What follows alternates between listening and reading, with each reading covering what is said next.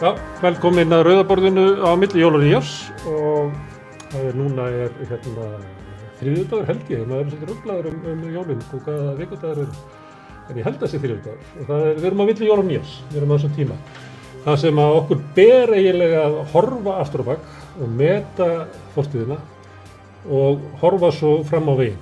Og sumir hérna heita alls konar hlutum, ákveða að gera eitthvað stórkostlegt á nýju ári, aðri gera það ekki kannski að fenginni reynslu að það er erfitt að standa við all heitin og stundum verður líka bara tímin verður allt öðru í sem maður reknaði með þannig að, að, að gömul áramóta heit stundum ekki alltaf kolvittlust að vera að reyna að láta þau hérna ganga. En ég fengi ynga ekki bara í kvöld, heldur líka morgun og hinda inn alls konar fólk til þess að koma og ræða um svona þessi tímamót sem við erum á.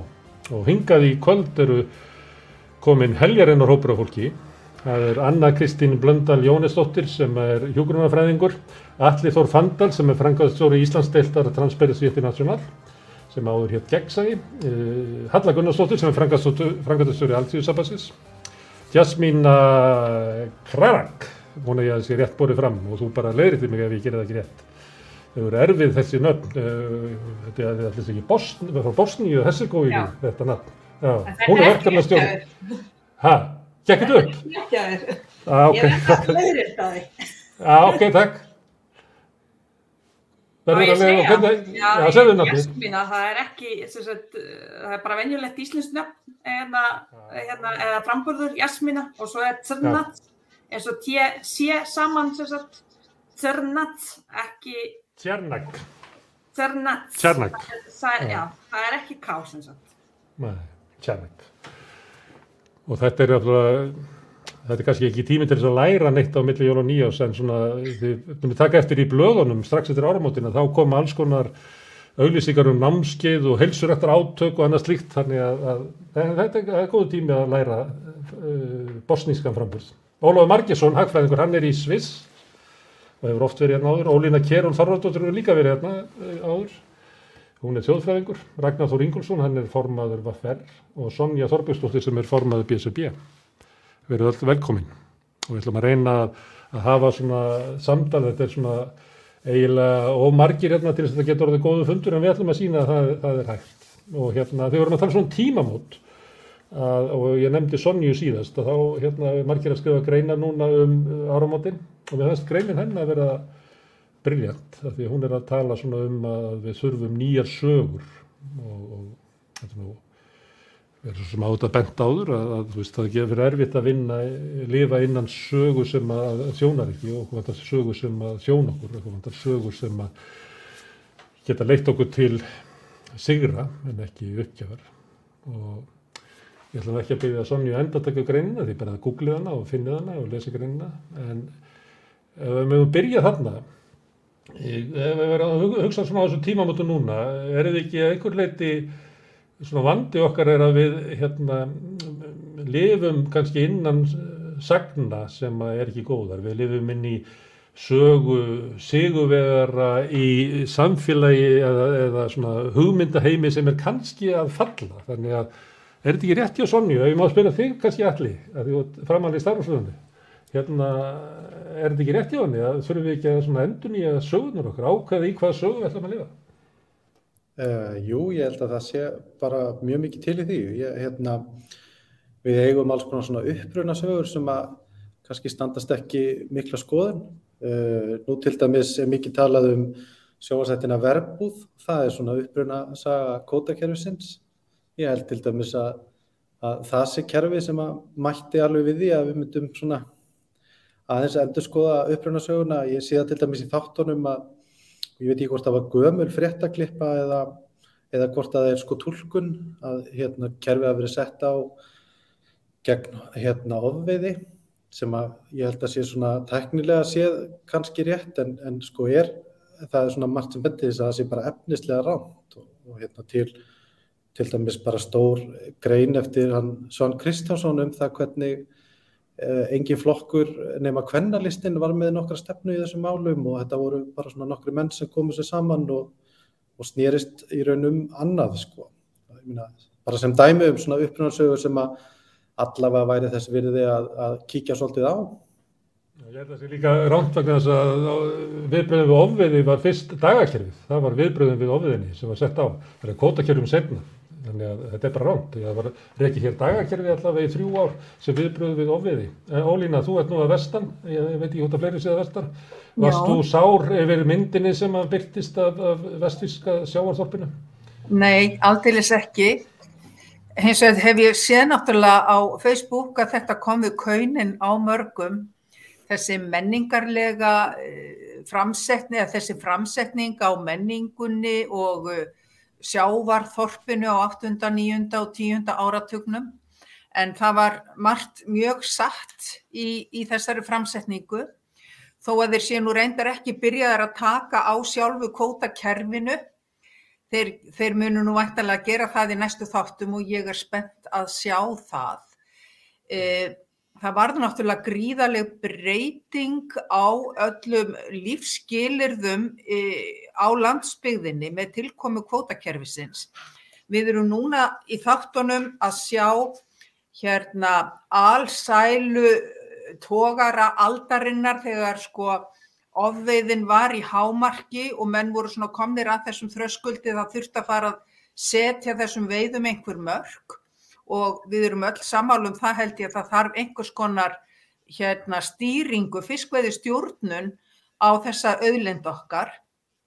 En það sem að gerðist eins og þar var að kerfinu var skellt í lás og síðan hefur það bara verið hérna, til ráðstöfunar fyrir mjög þröngan hóp manna sem hafa farið með þessa þjóðarauðlind sem sína prívat eign og menn hafa keift og selt útgerða fyrirtæki, skilið þorpin eftir í öngum sínum og bjargaleysi. Við eigum væntalega eftir að sjá einhverja slíkar afleðingar í þessum þáttum þegar fram í sækir og ég er mjög forvitin að sjá hvernig verður unnið úr því því að mér finnst sko svo mynd sem dregin er upp eins og í, í fyrsta þættinum, mér finnst hún raunsönn og rétt og þess vegna er ég bara spennt fyrir framhaldinu og ég vona þeir muni taka vel á, á stinga vel á e, þessari meinsemt sem kvótakerfið er og þeim afleðingum sem það hafði fyrir byggðir landsins á sínum tíma. Vegna þess að þó að við viljum stjórna fiskveiðum, þá er ekki sama hvernig kerminu er komið á og hvað það inniber. Já, ég hérna var á verbúði og Súandafyrði og Súðavík, reyndar Ólasvík og Hellisandi og Höfn líka og ég þekkti allt þarna nema þetta að, taka amfetamin í rassin. Ég man ekki eftir að það hefði verið, verið gert. En að því að, við verðum strax að tala um kótakerfið og fiskveiðistjórnina, að hérna kvotakerfið átti að, að byggja fiskistofnuna en þeir þorstofnun er núna minn en hann var í upphafi kvotakerfisins sem voru viðbröðum sem að hérna, kerfið eða, eða dagakerfið og síðan kvotakerfið var sett á og þannig að svona vísindarlega uppbygging á, á, á þorstofnunum hefur bara ekki gengið eftir en, en þetta er svona eina af þessu sögun sem að mér finnst að hérna við höfum aldrei svona ráð, ráði við. Mér minnir Ragnar Þóra, ég ekkert um hann heilt tala um, um, um, um þetta að hérna að, að, að kannski væri sko fiskveiðistjórnunin að þessu leiti innan kvotakerfisins hérna, hefði bara ekki gengið upp. Við hefum náttúrulega þekkið að núna er verið að lýsa því að humarinn er horfin, rækjan er horfin, við getum talið um fleiri, hérna, það veri, var ekki sandkóli, hann er líka horfin. Það er, er hellinga sko fiskistofnun sem eru bara horfnar út af hérna, þrátt fyrir veiðistýringuna. En að, að, að, það er gaman að spyrja þessu regna vegna að þetta tengir svolítið svona COVID og hvort að við höfum að hlýta vísindunum sem er nú svona svolítið saga desembermánar. Má ég svo koma inn í þetta þegar Ragnar er búinn? Sæ- Sagði ég þetta allt saman? Nei, En hérna- við minnir að þú hefði sagt einhvern tímann um, verið að tala við mig um sko stýringuna á, á, á, á fiskviðstjóninni. Jú, það er, maður hefur ko- komið svona svo sem víða við og þetta er náttúrulega kannski þegar þú kemur inn á uh, sem sagt, hvað segir, þennan undirtóni því sem við erum að ræða hér sem eru sögurnar sem hafa verið sagðar og, og, og, og, uh, og nýja sögur sem að verið er að skrifa og semja í dag. Ég er vissum að, að nýja ríkistjóð sem alveg e, nýja sögur sem okkur verða að sagða núna í, á næstu misserum um hvað er gott, eh, hvort sem að það snúa vinnumarkaðunum eh, eða, eða kvótakerfinu eða, eða, eða hverju sem er og, og varandi eins og ég segi fisk við stjórnarkerfið þá er það náttúrulega alveg bara sér saga út af fyrir sig og, og það verðist nú bara að vera þannig að, að, að það eru sérhagsmuna öflin sem að munu skrifa þá sögum og, og, og maður eitthvað megin uh, skilur ekki uh, hvernig þetta kerfi getur fengið að vera svona óareitt þrátt fyrir að við sjáum hér uh, nánast bara sönnunagögn í, í tölvpostsamskiptum eigenda til dæmis samherja hvernig þeir ætla að stela launum og sjómunum og, og, og skorast undir því að greiða til samfélagsins þá skatta sem þeim ber með því að, að færa um, kaupa, eiga alla virðiskeiðina nánast upp. Uh, þessi saga og, og og margar aðra sögur sem að verður að skrifa núna uh, þurfum við uh, sem erum í framlýninni og, og, og höfum eitthvað að segja í orðaðinni að breyta. Og alveg ljósta, ég meina þar eru margar, ég meina ég hef verið að einbeta mig núna að, að sölu innviða eins og mílu, það sem að almenningur uh, á til dæmis Eh, hvað 62% eða meira í símónum, bæði beint og óbeint í gegnum lífriðsjóðuna. Það er verið að selja eina mikilvægastu fjarskita innviði þjóðarinnar. Það er verið að veluna fjármálar á þeirra fyrir það af eh, innherja, nýjasta viðskiptablaðinu eða viðskiptamillinum, fyrir að hafa fært fjárfestum 29 miljardar af eignum þjóðarinnar og sylfu fati og svo mætti lengi telja. Þannig að, og allt finnst mér þetta tengjast og ég veit svo sem ekki, svo sem ekki svarið en mér finnst ágættis uh, lína sem að hún Sonja hefur lagt að við hefum að, að skrifa þá sögu algjörlega sjálf og, og í starri hóp um hvernig samfélagsmynd við viljum sjá og hvernig kerfunum okkar sé stjórnað og af hverjum. Það er ólína alltaf að skjóta það að segja mjög svo að þegar spyrjaðu hérna Jasmína þess að einu Já, sko Vísendalega hliðin á, á, á þessu með stjórnun fiskveiða er eitt og auðvitað vitum við að það hefur gengið illa að leggja þennan vísendalega tröstagrunn sem tryggir hérna, réttustu nýtinguna á fiskveiðaulindinni. Það verður sjálfsagt framtíðarverkefni og mun kannski ekki aldrei nást alveg að fullu en það er eitt. Hitt er svo samfélagslega hliðin á þessu kerfi. Það er að segja atvinnufrelsið og nýliðunar möguleikarnir og ekki síst hvernig arðinum er skipt af þessari þjóðarauðlinn, hvert hann rennur. Það er stóra verkefni finnst mér og vegna þess að við talandi um sögurnar sem sagðar eru og sögurnar sem þarf kannski að breyta eða skrifa upp á nýtt. Það er útbreytt mýta að við séum hér með best rekna sjávarútegskerfi í heimi og hér sé mesta hagkvæmnin í sjávarútveginum á byggðu bóli. Þá er gott að velta fyrir sér hvað þýðast líkar mýtur, hvað þýðir það að ná mestri og sem mest, fyrir nú utan það að þetta er ekki rétt, en hvað myndi það þýða ef að menn ætluðu sér að ná fullkominni hagkvæmni í sjávarútveginum? Eh, Hagkvæmast væri náttúrulega að vera hér bara með 10-15 fristitógara uh, allt í kringum landið og vinna, uh, móka fiskinum upp úr sjónum og fara með hann á erlendamarkað og unnin. En hvað myndir það þýða samfélagslega? Uh, þessi auðlind er náttúrulega eitthvað sem við eigum að geta skapað atvinnu úr fullnýting sjávarafla, eh, sundurgreining virðiskeðjunar, allt skapar þetta verðmæti vegna þess að þjóðarauðlind hefur auðvitað það hlutverk að næra, að veita næringu út í æðakerfi samfélagsins og það er það sem hefur brostið og umræðan er oft svo grunn og hún er oft svo yfirborðsleg. Við, það er talað um sjáarútvegin á Íslandi, í fyrsta legi er alltaf reynd að telja fólki trúum að þetta sé svo óskaplega flókinumræða, þetta sé ekki fyrir vennilegan mann að skilja sem er líka rátt, þetta er ekkit flókin og síðan er verið að halda á lofti einhverjum svona innihaldslausum mítum til þess að reyna að þakka umræðuna niður og drepa henni á dreif. Og það er þetta sem ég hef áhyggjur af og í þeim skilningi verðum við auðvita að brjóta upp gamlar mítur. En Um leiðum við þurfum að brjóta upp þessar mýtur, við megum ekki festast í gömlum sögum en við verðum að þekkja þær til að læra af þeim. Og saga kvótakerfisins er að verulegu leiti raunasaga sem við verðum að þekkja. Jasmína, ég ætla að fá að spyrja þig að þú er bæði ung og ættu það frá útlöndum. Að hérna, að því að verbúð, svo gaman að fylgjast með svona Facebook og samfélagsmiðlum núna verbúða því að það er svo sjaldan sem að kemur svona efni í sjónvarpinu sem að öllu finnst að fjalla um sig, þannig að, að fólk er búið að vera í rosalegu stuði að svona greina sögurna og þú veist að tólkana. Eitt sem ég uh, tekja eftir, það er svona, svona var þetta, svona voru íslendingarnir, alveg rosalega að sjá þetta, hvað við höfum batnað mikið og breyst og sjáu hvað hérna bara bjórin hafði mikil árið, hvað drikkjumenningin er orðið miklu betri og eitthvað svona. Þessi mynd af svona einu íslenska fyllir í, kannast þú við það úr, úr svona, úr, úr nútímanum, eh, hérna þegar nú er ég að pína þig til að hafa svona hitt glögga gessöga. Já. Þekkti þú þessi íslensku þjóð sem að byrtist þetta?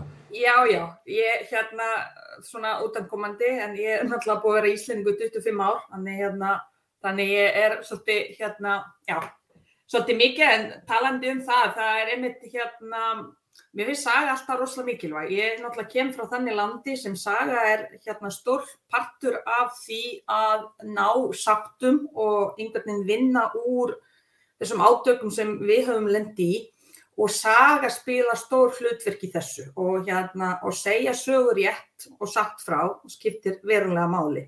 Uh, mín upplifun að íslensku þjóð er nákvæmlega eins og hún kemur fyrir í þessari mynd að því eins og ég, þegar ég kem hérna til Íslands 96 það eitt af því sem fyrir auðvitað nefnilega veðri sem ég tók eftir strax það var anna menning til dæmis var þetta fyllir í. Uh, ég til dæmis skildi ekkert í því að það þarf að vera að fara fyllir í bara lögadögum sko.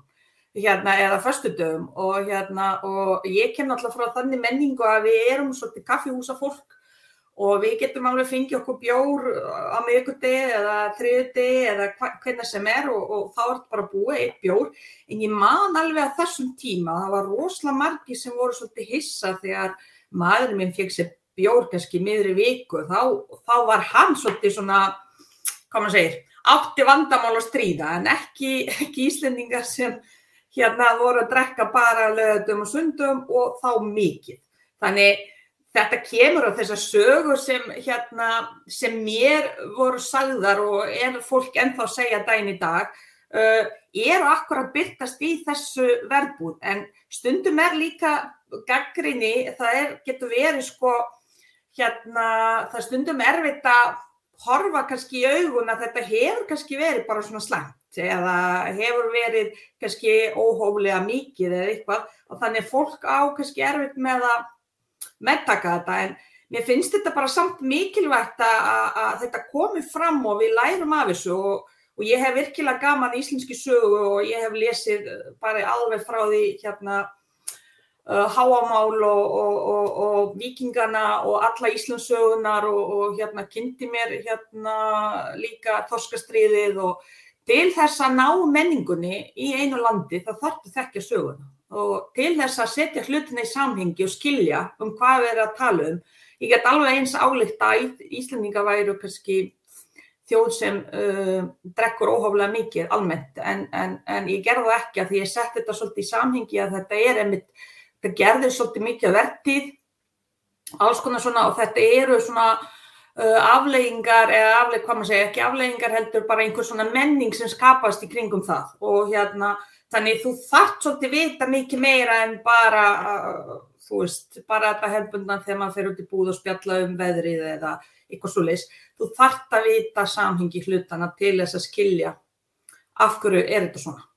Þannig, já, þannig þetta er, þetta kom mér ekkert óvart. Þetta, uh, hérna, ég fór sérstaklega í gæðir að horfa, ég horfði ekkert á sundaginn en ég fór í gæðir og, og horfði á þennan þátt og þetta lofa góður, góður það er gaman að kynast líka þessari, þessari menning og, og vita af þessu, eins og segir, verðbúðum. Hmm. Það finnst þér að því þú nefndir þetta að það er mikilvægt að, að, að hópurinn, þjóðin eða samfélagið fari vinni með söguna. Finnst þér Íslandika að gera það? Um, Sko, uh, saga getur verið, hún er rosalega mikilvæg, hún er mikilvæg líka fyrir sjálfsmyndir, eins og við veitum all, uh, hérna, saga til dæmis sem er kend í skólanum fyrir krakkana, með, eða þú veist, fyrir börnin, hún er líka mikilvæg, af því þetta er hluti sem gerir okkur að þjóð og þetta er bara vísindarlega sanna. Uh, þjóðarninsíkja til dæmis þessi jákvæða, það er til tvæð sagt jákvæða og neikvæða og þessi jákvæða þjóðurnisíkja, þú veist, hún byggir svolítið emitt á sögunni, þú veist, hún byggir, hún kennir krakkonum að það sé mikilvægt að vita um hérna vikingarna og það sé mikilvægt vita um eirikrauða eða hérna og njálu og allt þetta. Þetta skapar okkur sjálfsmynd, þetta skapar sjálfsmynd sem, sem segir okkur við sem hluta um hverju heil, við eigum eitthvað samveilegt. Þannig, hérna, þannig að því leiti er þetta bara mjög gott og við vinnum náttúrulega mjög jákvægt í gegnum það. En síðan eru svo náttúrulega öfgar og við veitum það alveg að stundum saga er breytt til þess að búa til einhverja heitjur að því þannig byggjum við þessa jákvæða mynd. En hún er ekkit endilega alltaf hvað maður segir, hún er endilega ekki uh, sögrétt en til þess að hérna, hún er kannski ekkit líi heldur heldur bara gett kannski meira úr því Þannig hérna en Ísland sko ég, eins og með kótakerfi klárlega við erum að gjálta þess núna að, hérna, að við sjáum að þetta, þetta er ekki kannski alveg að virka og hérna og við erum kannski ekkert að, að, að þeim sviði kannski vinna rosalega vel með söguna sko. Þa, þarna gerðist eitthvað sem kannski þarf að skýra betur og, og við þurfum að vinna betur úr því í dag og skapa kannski nýja sögu mm. í kringum það. Ólafur, ert þú ekki auðvitað á landi, eitthvað stöðar, alveg upp auðvitað á landi? Alveg upp skadafyrði, jú. Alveg upp, já. Eitt sem er komið ljós eftir eh, er þetta miklu tjáningu þjóðarinnar á, á Facebook og víðar um verbúðina, er að það er rosaleg svona gjá á milli höfuborgar og, og landsbyðar og svona, margt landsbyðarfólk fljótt á því að svona skilgrina þetta sem mynd höfuborgarinnar landsbyðinni sem er einföld heimsk og fulla af, af svona fyrirlitningu. Nú er ég alltaf ekki að segja að verðbúð sé það, en maður bara tekur eftir því að, að talanda um svona sögur og sögur sem eitthvað svona lækningu og svona leið út úr einhverju, að það er einhver svona vandi þarna og mismunandi hugmyndir uh, fólks át á landi og hérna á höfuborgarsvæðinu svona um já, bara, til dæmis bara valdið yfir sögunni, sko, hver á að segja söguna? Ég hef ekki séð verbúð, ég hef ekki séð fyrsta þáttin eða nýtt, þannig að ég, ég veit í rauninni lítið um hvað gerist, ég veit ekkert hvað gerist í, í fyrsta þættinum, en varandi sögur og slíkt þá er er svolítið sjendilega sko að, að hérna, tengja það sérstaklega við það sem, sem Jasmín var að segja varandi hvernig sögur, þú þátt að dekka hvað gerðist í fortíðinni til að skilja hvað er að gerast í dag Ég held að það sé líka mikilvægt að skilja hvað sé að gerast í öðrum löndum og öðrum svæðum, jafnvel innan sama lands, til að skilja hvernig sagan er að þróast á einhverju öðrum svona hluta af landinu. Um, ykkur, og bara til þess að, að sagt, það er gott að skilja þróun innan ákveðanar sögu, þróun er saga, þannig að þessu, til þess að geta heimfært þann skilning yfir á aðrar sögur. Og bara sem dæmi sérstaklega því að ég er alveg upp á út á landi um, á Söðabæ og það er búin að tala um fiskveðikerfi hérna, kvotakerfið, auðlindina sem, sem fiskurinn í sjónum er. Við erum með aðra auðlinda á Íslandi og það er landið. Við erum búin að ofnýta og ofnota og vannota landa á Íslandi í mörg hundruð, mörg hundruð ár. Og við vitum það alveg. Það er það er stór hluti af Íslandi sem er eðimörk og það er ekkert, það er ekkert það, við eigum ekki verið að feimja við að segja það.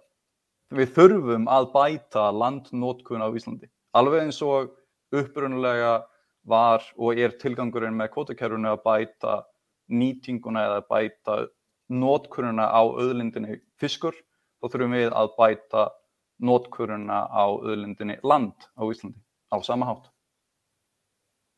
og þetta er hluti af þessum, þetta, þetta er saga þetta er, þetta er annars konar saga sem er að gerast á öðrum, í öðrum hluta í samfélaginu en eftir sem aður er jákvægt og það er auðveldara að skilja hvernig má heimfara og læra úr af einninsögunni og heimfara yfir á hína. Og þetta finnst mér ágætt stæmi um það. Þetta er svona dæmi um að við erum inn í Við þurfum, þetta er réttið sem Sonja er að segja, við erum að endur skoða sögun okkar, við erum ekki með besta fiskveistofnarkerfi í heimi heldur, hefur það fyrsta lagi ekki byggt upp fiskveistofnarna og, og fært arðinn af auðlindinni til örfára. Við erum ekki góður gæslumenn landsins, heldur fyrir við hryllilega illa með það. Þannig að svona hugmyndin um svona heilnægum íslensk landbúnaðar er, það er svona marga svona, má ég spyrja þig á þessu, Anna Kristín, það eru marga svona sögur sem að vera haldið að okkur um hver við erum og hvernig við hérna, funkur þessi samfélag sem eru bara ekki réttar. Já, mér finnst líka að ég fór að hérna, mikilvægt að segja allar þessar sögur en það er líka mikilvægt að setja þessar sögur í samhengi Ísland og Íslandingar eru svo gerðnir á að halda að, að við búum í einhverju tómarúmi um, en eins og með, með kvótakerfið og og fiskvinnslukerfi okkar, ég menna, við tökum þátt í, í nýkólianism í Afriku til dæmis, bara með því. Það er algjörlega óuppgert og það er enginn sem að hérna, tala neitt um það hvorki núna nýja, þú veist, á síðustu árum og það er ekkert sem við lærum heldur um, í skólanum. Og eins með, um, þú veist, hérna, landbúnaðinn, dýranýðið, og hvernig við förum með, hérna, með jörðinu okkur og hvernig það er hluti af stærra, stærra kerfi. Og maður sér það núna að þetta er einhvern veginn, það hryktir náttúrulega í stóðu kapitalismas og það er, síðkapitalismin er um, vonandi að svona syngja sitt síðasta. Og maður sér það kannski, mér finnst ég sjá það svolítið þarna að það er, kerfin eru að, að eigða, eigða sjálfur sér. Maður sér það, þú veist. Og mér finnst það kannski verið einhver svona hlut að stærra samingi og það sem maður, maður getur alveg fært það yfir til dæmis í COVID eða maður getur sett það í hérna í ímiðskonar samingi sko. En getur við, ef að sko sögurnar eru orðnar útjaskaðar og, og bara hjálpa yngum lengur og eru bara gamlar góðsagnir sem að hanga þarna, eru við með svona kultúr og menning og samfélag sem að nærað endur hérna nýja sögurnar sínar, það er nú Þegar við verðum að tala um verbúð, það var hérna, Netflix jólamyndi þar, var hérna Don't Look Up sem að fjallar eiginlega um samfélag sem er óhæft um að sko horfast í augu við staðrættir eða finna lausnir á þeim.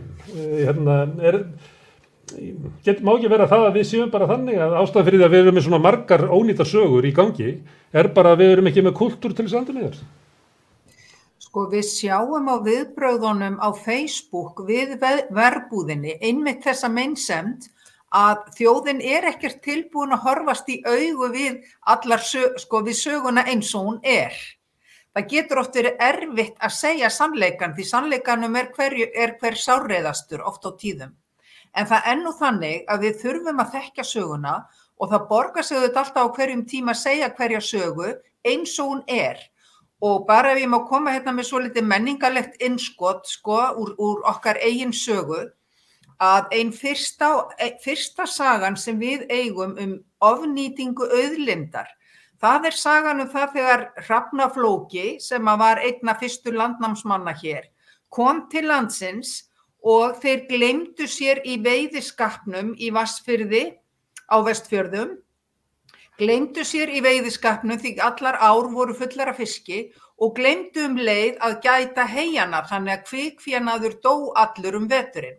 Þetta er nú einn elsta sagan sem við eigum og hún er slær ans glettilega óþægilega tónin fyrir ímislegt sem aflaga hefur farið í okkar atvinnulíf og auðlindanýtingu allar götur síðan. Við höfum líka sögur af því að fjallið, að landið var viði vaksið millir fjalls og fjöru þegar menn námu hér land. En eins og bent hefur verið á þá er það nú alls ekki staðan í dag og stór hluti landsins er uppblásin eigðumörk. Af þessu getum við lært. Og við fengum alla rostungana, svo við nefnum í bækuna sem var góður í jól og við eittum þeim. Já, við fengum rostungur, e- eins og Bergsveit Birgisson hefur kyrfilega gert grein fyrir sínum, sínum fræðum, já. Já, já. Drotti gaf okkur síldina og veitum henni og svo feikum við aðganga erlendur lánsfjö, það gerðist ekki nema svona miðjan tíund áratugin og Ísland hrundi einan við tíu árum frá því að, að Íslandika fengur svona eðlilegt aðgengi að erlendur lánsfjö. Þannig að við erum svona sömuleiti svona er saga okkar svona saga eins og við séum einhverja engisprettur á, á landinu og miðunum og öllu þau gæðum sem að rétt upp í hendunar okkur. En okkur hendur- bara til þess að vilja ekki horfast í augu við söguna, það er okkar vandamál. Ég ætla aðeins, aðeins að- að stökkva inn einn, rétt, rétt einmitt af því að það er búið að minnast á árin fyrir 2008. Muniði eftir sögunum fyrir 2008. Þá var ástæðan fyrir því af hverju við vorum svona miklu fjármálastillingar, það var að vorum vikingar. Það augljóslega breytist og ég verða að viðkjanna það, ég skil ekki alveg af hverju það er svona gott að vera vikingur af því að þetta voru ekkert annað heldur en sjóræningar, þannig að séð. Og það er bara ágætt að muna eftir því að þessi svona, þessi, þetta þema sem var í gangi, hérna fyrir einhverjum svona 15 árum síðan eða svo, að lokum kom áfall sem var til þess að við urðum að átt okkur á því að við höfðum haft rámt fyrir okkur. Og það er komið upp með nýtt þema og akkurat sem stendur í dag þá er kannski þemað sérstaklega varandi það hvar, hversu langt eigum við að, að tegja okkur í átt í það að búa til sem mætti kalla grænt hagkerfi og svo framvegis eigum við að halda áfram að virkja á að búa til meiri orku á Íslandi á að hvernig á að flytja hana út, hvernig á að selja hana eða eigum við að nota landið betur til dæmis með því að rækta því skó eða græða yfir höfuð til þess að til dæmis nota það til að selja kólefnisbindingu sem er virkilega markaður sem er að stækka um allan heim. Þannig að það er ansið margt sem er, það er oft þannig að sögur eða þema sem er í einhverjum hagkerfum þegar eitthvað gerist þá er köttað á það hvernig þemað er og það er búið til nýtt þema og akkurat á Íslandi í dag þá hefur verið að búið til nýtt þema. Að Það er verið að búa til sagt, nýja sögu, landtækifæruna Það það er alltaf verið að búa til nýja sögu. Sagan endar aldrei. Það er alltaf verið að búa til nýja sögu, það er alltaf verið að þróa hagkerfið og samfélagið í einhverja ákveðna átt. Halla, má ég spyrja þig um hérna svona getu samfélagsins til þess að búa til þessar sögur. Ég meina, með sömuleiti finnst mér Ólaf verið að vitna til þess að það er bara verið að búa til þessar sögu. Það er bara þeir eru breyttir hagsmunir og það eru bara fólk sem hefur hagsmunni af því að, að hérna, endur skoða orku nýtingar fórsendur og bla bla bla og búa til nýja sögur um hvernig framtíðin eigi að vera. Eh, Svona því að ég nefndi á þann hann að Don't Look Up sem er svona frábær mynd af, af samfélagi sem ekki getur endur nýja sögur sínar bara ve- veður áfram í, í bara point of no, komið fram með point of no return höfum við getuna til þess sem samfélag að búa til eh, svona heilbriðar sögur sem að, að, þjóna megin hluta fólks sem eru kannski sögurnar sem að Sonja er að óska eftir Já, mér finnst Sonja að lista þetta ágætlega í uh, sinni samantækt og ég held að kannski það sem talar daldið til mín að því að við erum nú svona svolítið að gera upp árið uh, er uh, sagan um þennan heimsfaraldur af því að uh, þessi kreppa sem hún er fylgdi, hún er búin að afhjúpa svo margt og þetta faraldina sjálfur. Uh, það er þessi hugmynd um sko hverjir búið til verðmæta, verðmætin í samfélaginu, hverjir eru það sem að standa vaktina í samfélaginu og hvaða störf eru það sem urður sko að svo kvöldlega framlínu störfum sem að við komumst að því að gæti ekki lagst af. Hverjir eru það sem gáttu bara farið uh, heimdi sín og skellt í lás og syndi að vel börnum og tekið úr þóttavélina með að voru að vinna en að gæslapa og hverjir eru það sem urða að vera á staðnum. Og þetta, þetta eru áhugaverða sögur. Síðan held ég að þessi saga sko, það er náttúrulega verið að skrifa eina mjög sterkar sögu núna, ekkert bara á Íslandi, heldur út um allt. Það sem er verið að halda þið fram að uh, fólk, uh, þessi orðið stórkostlið vandamál, fólk nenni ekki að vinna, það vil ég bara hanga á atvinnuleysisbótum og það stíga fram svona uh, ábúða fullir atvinnureikandur og segja þetta er alveg agalegt, hérna, það er sama hvað ég reyni, ég fæ ekki fólk í vinnu. Og þá þurfum við náttúrulega að skoða svolítið hvaða var sem að afhjúpaðist í þessum faraldri. Og í hérna uh, þegar að stjórnvöld ekkert bara á Íslandi heldur um allan heim fóru að dæla peningum inn í fyrirtæki og út í hagkerfin til að halda allir gangandi. Og ég veit ekki sko, ég geti sagt sko ótal sögur bara sjálf uh, af fyrirtækjum sem að þáðu stuðninga eins og þurfan af dæmum um að uh, fólk var, fólki var sagt upp og, og ráðningastyrkir fengnir inn fyrir það og síðan búin laun og lakari kjörum. Að fólki sem hafi kannski áratugum, árum og áratugum saman sínt sínu vinnust á uppbúslega tryggð en komst svo ekkert en að því að svo tryggð var einskís virði og og, og var ekki gagfæn og hérna og ég held að þetta séu svona dálítið mikilvæga sögur og séu okkur hlutur ekki verkefliðsröfingunni og líka bara segja að það er að skrifa til að draga svolítið fram þetta bara uh, uh, þetta svona samband uh, fólks við atvinnureikandur sína og samband þeirra við launafólki sitt. Og við sjáum það að þeir sem eiga svona opbáslega eða sem sagt þeir sem eiga ekkert svo erfitt með að finna fólki vinnur og þeir sem nýttu, nýttu þessi úrræði til þess að halda ráðningasambandi sína fólki virðingu í gegnum þetta. Það voru svolítið fýtt þáttur um þetta, hérna, svona hlaðarþáttur þessi American Life þar sem var að tala um þetta í bandaríska samhenginu. Og veist, það var dæmið sko pítsustæðin þar sem að, að átti að halda fram að uh, senda pítsu sko. En eigandi bara hvarf, hann var svo hrættur um að smittast, hann vildi ekki hitta starfsfólkið og svo kom hann, þú veist, einhverju mánuðin sittna sko glæni í en bíl. Á meðan einhvern veginn allir voru búin að vinna myrkran á milli og, og uh, þú veist, ekkert gert sko fyrir þann hóp. Og sama með McDonalds starfsmannin sem var hlustað á hérna allt framlínu starfsfólk færi ókipis morgunverð. En hann var ekki framlínu starfsfólk, að hann fekk ekki ókipis morgunverð hjá McDonalds og þetta voru ykkur tvær vikur sko. Og það sem hann einhvern veginn svona upplýður í fyrsta skipti að byrja þeim er í alvörun alveg sama um mig, veist, ég skipti engu máli Veist, það er þetta að nota annað fólk sem svona auðlýsingatryggs og hérna, ekki það, ég veit ekki hvað svo holdið fyrir fólk að fá morgunverða á McDonalds en það er náttúrulega en mér finnst þessar sögur svona svolítið spretta upp úr þessu ári sem núna er að líða. Veist, hvaða fólk er það sem er að vinna hinn raunverulegu störfi í þessu samfélagi og hvaða störfi er það sem við getum ekki verið án? Uh, og síðan tengist það náttúrulega beint inn í kæramálinn en var þetta verbúðuna, varst mér á mjög skemmtileg bara segja það, ég hætti nú upprunn að segja mín, fórildra mínu kynntist þarna á, í verbúð á Súanda þú hefur kannski hitt þau Gunnar Snorri en hérna, hann er samt ekki pabbi minn en Gunnar Snorri þá hann heiti Gunnar en, hérna, en þau hittist þar. Og hérna uh, mér, mér finnst þetta skemmtileg svona samfélags samfélagsinsýn.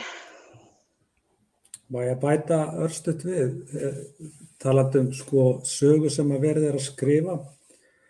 Að það er svo sem kannski ekki, hún, hún er ekki farið hátt en hún mun fara hátt vantala á næstu missurum, hún er byrjuð að hljóma og það er að sjálfsögðu það að, að, að uh, talsmenn uh, atvinnureikanda og, og hagsmunöfluna bakvið þá eru að tala fyrir því að fólk eru meira, meira frelsi á vinnumarkaði. Og það er, eru nýjastu hugmyndinar, reyndar ekki nýjar hugmyndir en að fólk þurfa að hafa, hafa frelsið til þess að geta unnið á, hvaða tímu sólarhinsi sem er og, og fá fyrir það dagunukaupið. Það, það verður hægt að vinna dagunu sérst á næturnar og fólk hafi líka frelsið til þess að vinna dagununa um helgar og, og kvöldin. Og sömulegis líka verður að tala mjög upp GK-kerfið, að fólk geti verið í verkefnadrifinni vinnu og það sé framtíðin þó að fólk sé algjörlega ótryggt, bæði hafi ekki veikinda rétt nýja orlof eða neitt slíkt eða neitt að þeir réttindum eða fæsta þeir sem við þekkjum í dag og höfum þurft að berjast fyrir bæði við og, og svo náttúrulega þeir sem undan okkur koma, komum að uh, þarna er verið að tala mjög hávært inn í gjörbreyttan vinnumarkað og, og, og sín uh, hagsmunn afla á því hvað þurfa að gerast í svona nafni frelsis og samkjörnishæfni er uh, mjög ókvænleg og það verður tekist væntalega verulega á við þessa nýskrifuðu og gamlu sögu á næstu misserum og sérstaklega svona aðdraðanda kjærasamlinga. En, eh, en eins og ég segi, þróun er, er, er vægast þetta ókvæmleg. Við erum líka að sjá gjörbreytta mynd eh, segja, á vettvangi eh, stjættafélagana. Við erum að fá inn gul stjættafélag sem að hafa verið svona partur af því að brjóta niður félagsaðild eh, hvað sé álveru stjættafélag bæði Pantaríkjónum og líka á Norðurlöndunum. Og eh, afleggingarna verið vægast að skelvilegar þannig að e, það, já, við, við munum takast á við nýjar og gamla sögur á, á nýja ári. Það sé alveg ljóst.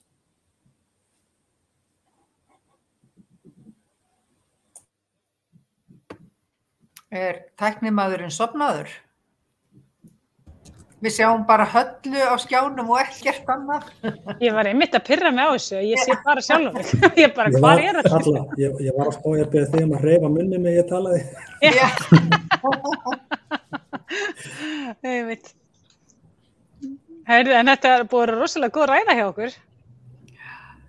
Þetta var góð ræða hjá ykkur að vest við sáum aldrei Ragnar. Nei, Það er ekkert að segja. En mér langar bara að taka undan, undir þetta meðan við býðum eftir stjórnandanum að hérna, sko, þegar verður þeir að tala um þetta með þegar atvinnureikundur snúa málinu upp í þessa orðræðu að tala eins og það sé hagur alls launafólks að fá meira frelsi á, á hérna vinnumarkaði. Hvað er meira frelsi og frelsi fyrir hvern? Heyrðu, má ég aðeins stoppa ykkur, ég voru að fá einna skilabóð frá Gunnari, upptakan fröys og við fáum nýjan hlekk sendan. Ó já, Þannig að við þurfum væntalega að gera þetta upp á nýtt. þið þurfum að endur taka ræðurnar. Já, þetta voru góðar, hérna, þetta voru góðar ræður samt hjá allir. En hérna, já, en mér langar rosalega, hérna, ég ætlaði að koma einmitt inn á, hérna, ég vildi, ég vildi bara lega allum að fá orðið, mér langar að ræða aðeins um sögusmiðin í, í kringum samherjamálið vegna þess að, og nambíumálið, vegna þess að hún er, það tekur svona stóran hluta af mínu degi dagstælega og hérna, og,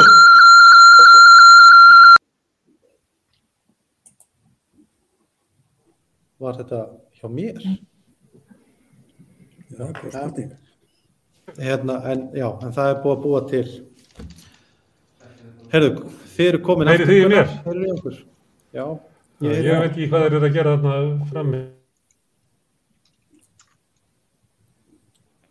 heyra allir í Gunnari Já, ég, heyri Gunnar. Já, ég heyri flest öllum. já, ég heyri öllum og er farin að sjá ykkur, ekki bara mig.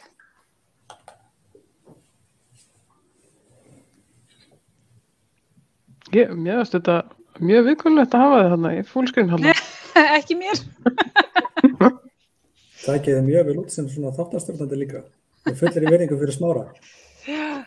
Ég var svo hissa, hann skildi ekkert grípa inn í blaðriðið mér, sko. Ég var orðin svona, hérna, hálfa innmanna. En Halla, varst ekki eitthvað tíma með eitthvað þátt fyrir mörgum árum? Er það? Jú, jú, jú, jú. jú. Já, Ég var með byrjunum við, fleiri en eitt, sko. Ég tók þátt í sunnudastættinum á skjá einum á tímbili. Það var Hvað, einu stjórnundum hans. hvað gerist var sunnundastættinu? Ég, ég má bara eftir djúbulöðinu á skjáinum, ég var ekki eftir neina öðru. Nei, það, þetta var til, til að vera með eitthvað annað en silfrið svona í sjónarpunni sem tókst ekki en eh, var eitthvað tvo vetur hérna svona umræðið þáttur svo var ég á hérna NFS meðan hérna, eða stundum með þætti þar og meðan NFS lifiði Hvað er NFS, geta einhver spurt? Nei, ég veit það. Og kannski ekkur aðrir. Hvað segir. Óli, er, er, er, er stærsta peningabóla allra tíma við það að springa?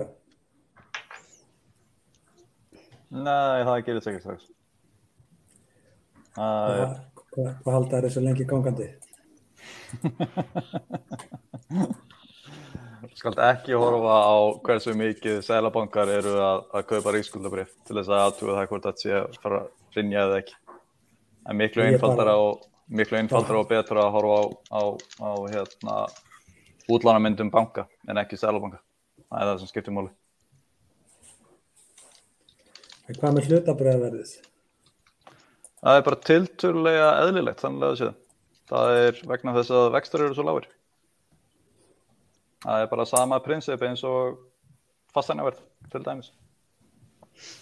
Og á sama tíma ertu líka að ætla bara vegna þess að, að hérna, þökk sé því að hafa strax farið út í það að, að reka ríkisfjármál með halla þá jógst þá jukust tekjur fyrirtækja sem leiðir beinlýnist til þess að hlutabriðið að verð hækkar. Sama tíma ertu að lækka vexti í gennum sælabanka, í gennum aðgilið sælabanka og þá færðu bara einfallega út herra uh, hlutabriðið þetta er allt önnur staða heldur en 2007 Það er svona að gera sér grein fyrir því að þetta er alltaf allt um stað og allt um toga, en er eitthvað sem getur opnað þessu? Þú veist, er, er þetta bara svona verður þetta svona? Þú veist, er þetta Nei, bara norma nei. sem við munum sjá vegna þess að, að í sögulegu samengi þá hefur samfélgt hækkun og, og, og líka bara hefur hækkun bara verið alveg sko ókvæmleg, svona bara í sögulegu samengi. Rétt, vegna þess að vextir hafa lækkað mun hraðar núna heldur en á hvaða, horfðu bara á síðustu tíu ár sem dæmi. Vextir síðustu tíu ár hafa lækkað mun hraðar núna heldur en næstum hvaða önnur tíu ár síðan 1950. Það er svo. Þannig að það er kannski helsta óknir sem stafa við markan með þá ef að vexti fara að þrýstast upp sem þau munu jafnvel ekki gera það. Og þeir fara bara upp ef sælabankar uh, eru hrættir við það að verðbólga festi sig í sessi. Ekki að verðbólga sé í, sagt, þótt að það komi þessi þetta skot sem er núna til dæmis í bandarækjunum eða uh, já, sérstaklega í. Európa og bandarækjunum. Um, ekki horfa of mikið á Ísland þegar kemur að mælingu á verðbólgu. Þannig að þess að eignaverði á, á fastinaverði er, er inni í þar. Þannig að það er, það er, það er bjægi. Uh, sagt, ef, bara langsagast upp, ef selabankar halda að um, verðbólga verði mun herri til langs tíma, þá munu þeir hækka vexti til þess að kýla verðbólgunum niður. Eða þau munu hóta því að hækka vexti. Hótunin leiðir einn til þess að væntingar breytast um vexti í framtíðinni sem þýðir þá að langtíma vextir, til dæmis vextir á tíur að ríksskuldabrjöfum, þeir hækka. Og það er það sem getur haft áhrif á það hvort að hlutabrjöðverð eða fasteignaverð hætti áfram að hækka, fyrst og fremst. Þannig að eins og þú segir, þetta, þetta mun halda áfram, það er að segja, sko orða þetta frekar öðru sig, eignaverð heldur áfram að vera hátt en það heldur ekki áfram að hækka ef vextir halda áfram að vera eins lágur eins og þeir eru. Ef vextir hækka, þá er hætta á því að eignaverð lækki. Þannig finnst ástandið vera eitthvað hálf styrla með þróunin allavega. Eða Já, já. þróunin vera mjög svona ókvæmleg, bara Það er miklu meiri, er miklu meiri hætta í núna sem dæmi af því að einhvers ég sérstaklega í Európu reyndar og svona hægt og rólega sem betur fer í bandaríkjónu líka þá er aðeins fólk er að átta sig á því að það verður að fara í stórfeldar uh, fjárfestingar til þess að færa haugkerfi í átt að svona meira sustainability. Og þessar fjárfestingar það er það sem getur ítt verðlægi upp á við það er að segja haldið verð bólgu upp, um, tiltölulega hári vegna þess að það þarf til dæmis að það þarf að byggja upp uh, dreifikerfi á raforku í Evrópu, það þarf að byggja upp uh, getuna til þess að búa til raforku og svo framvegis og framvegis. Stór hluti af verðbólgu í Evrópu í dag er vegna þess að gasverð er, að, er búið að hækka um nokkur hundur prósent sem er hluta til vegna þess að rússar uh, eru að takmarka flæðið á gasi frá, uh, frá Rússlandi yfir til Þískland. Kemur að álina. það er, það er pólitík í þessu líka. Já, já, ég er komin inn. Heyrðu, þetta verður skemmtilegt. Þú Ég var alveg eða Já. Herru, ef við að reyna þetta. Viltu gera er það aftur eða hvernig? Nei, ég ætla bara að byrja þar sem að ég spyr Höllu. Þannig Halla verður að endur taka sig. Og klippa bara þetta burtu sem að er. Þannig það sem ég ætla að spyrja Höllu er hérna hvort að sko samfélagið geti endur nýja söguna. Við vitum alveg eins og hefur verið bent á hér að sumuleiti að þeir sem að hafa mestu hagsmunina og mestu penningana að þeir geta þröngvað sinni sögun í samfélagið en getur samfélagið náð einhvern veginn að búa til nýja sögur og ég er kannski að spyrja svona út frá hérna Don't Look Up sem að, að jólamyndi sem er myndist á þannig á Netflix sem er eiginlega um samfélag sem er óheft við að horfast í augu við raunveruleikan og finna lausnir á honum. Þannig ég ætla að eh, spyrja það hella. Getur við, ekki, ekki, ekki segja sé hægt að koma nýja sögur sem að auð- hérna, henni ríku geta komið í gegn, getur við hinn, almenning landinu, breytt sögu okkar? Já, ég hef reyndar ekki séð Don't Look Up um, en ég hef séð verbúðina og hérna, hafði gaman að henni. Og uh, en já, ég menna ég held að við hljóttum að geta það. Veist, við erum mörg veist, við erum fjöldin og finnst Mér finnst- Hvernig hvernig hefur okkur gengið svona í, í umræðinni hérna, við vorum með kostningar til dæmis, náðu þær að, eh, voru þær svona degla þar sem að þjóðin endur nýjaði svona hugmyndi sínar um hver var í staðan og valdi sér framtíða sín, ég var ekki alveg orðið það. Nei, ég kannski kann ekki alveg að dæmi það en mér finnst allavega svona ef ég horfa á þetta út frá mínu sjónarhóli þá held ég að við í verkeflisefingunni höfum mjög uh, mörg bæði tækifæri og svona bjargir til þess að segja sögur fólksins okkar og uh, við höfum þetta verið að gera það með mjög sterkum hætti að segja sögur sko uh, einn slagsmólin á Íslandi snúast um sögur sem eru sagðar með gögnum. Veist hver hérna uh, hvað er svigrúm og hvernig hefur kaupmáttur aukist og, og hérna og allir þessir þættir. Og ég held að þar eru við búin að stíga mjög stert inn og mér langar til dæmis að benda á það er rannsóknir sem að varða gerði á árinu sem eru að líða og lutu fyrsta rannsóknir sem lauta stöðu launafólks og leiti í ljós sko að uh, hluti uh, launafólks á erfitt með að ná endum saman. Við erum að tala um fjórðungur launafólks og það er að tala um fólk sem er í vinnu og hérna fær laun hver mánaðamót og erfitt með að ná endum saman. Og þetta dróð fram ímislegt annað í veruleika fólks uh, að veist, 15 launafólks getur ekki mætt óvæntum útgjöldum. Og síðan dregur þetta fram líka mismunum sem er milli uh, innflytjanda og, og þeirra sem eru hér borin og bartfætt uh, og, hérna, og síðan, uh, síðan var auðvitað önnur rannsókn og kjörum öryrkja sem að uh, dróð mjög svarta mynd af þeim að stöðu þess hóps. Og við erum líka að draga fram tengslinn á milli þessa veruleika og í rauninni skorts á uh, sérst, a- eða afkomu óöryggis og uh, heilsufars. Og þessar sögur, þó að það sé verið að segja svolítið með tölfræði, held ég að skipti óbúslega miklu máli fyrir samfélagi til að horfast í augu við hvaða samfélag það er og, og, og hvernig, það svona, hvernig það lítur út. Þannig að ég held að sko, Alla, ef ég má spyrja, hérna, ef þetta er svona sögur, hvað segir hérna, þessar staðrindir okkur? Er þetta saga um það að við séum vond samfélag, að við séum samfélag ójafnöðar, er þetta saga um að þetta fólk bara standi sér nógu vel í lífinu? Ég held að sé hellinga fólki sem að myndi bara taka þessar sögur þannig að, að þetta fólk þyrfti nú kannski bara að menta sig og koma sér í herri, herri launuð störf. já sko þegar þú horfir á heim þar sem að 80% öryrkja geta ekki náð endum saman. Að þá náttúrulega held ég sé svolítið erfitt að segja sko, já bara ef þau myndi ekki panta sér pítsu þá væri þetta allt betra sko. Að, hérna, þá, þá, þá ertu að draga fram að vandamálið er kerfisbundið. Og síðan þegar þú dregur fram að sé svona mikill munur á uh, stöðu þú veist, innflytjanda og svo annara sem hér búa, þá ertu líka að draga fram kerfisbundin vanda. Og þetta er alltaf einhverju galgópar sem munu segja, þú veist, uh, það er alltaf þetta fólk sem stígur fram og bara, já, ég liði nú bara núðlum þegar ég var í námi og það var nú, uh, þannig ég veit alveg hvað er að vera fátæk og, þú veist, og þetta er alltaf fólk sem að gaspra svona, sko, en ég, held, ég er ekkit alveg vissum samt að svona, ég held, ég held að lang flestir gera alveg greinarmun á því að hafa hérna, lifað á námslánum í 20 myndur sko og að lifa við uh, lifa við svona tilfinnanlegan skort almennt og geta ekkert gert í því. Og þegar ert með fólk sem er í fullri vinnu og næri ekki endum saman þá er ekki mikið meira sem það getur gert í því. Og þegar ert með öryrkja sem get ekki unnið uh, hérna, og eru meira sem er sérstætt matur á ríkin upp á það þá er ekkert annað sem þeir geta gert í því sko.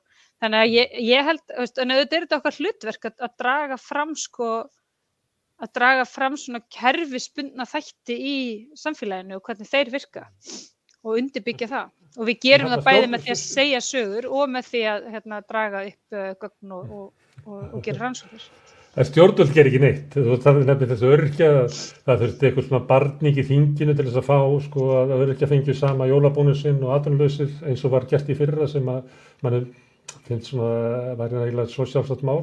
Örkja fá 1% umfram verðbreytingar á, á síðasta ári eh, sem að eru bara dropi í hafi við að, að bæta upp það sem að þeir hafi verið skertir umfram launafólk frá hruni það er, meina, þannig að sögurnar ná ekkert í gegn, sko, stjórnvöld getur ekki neitt.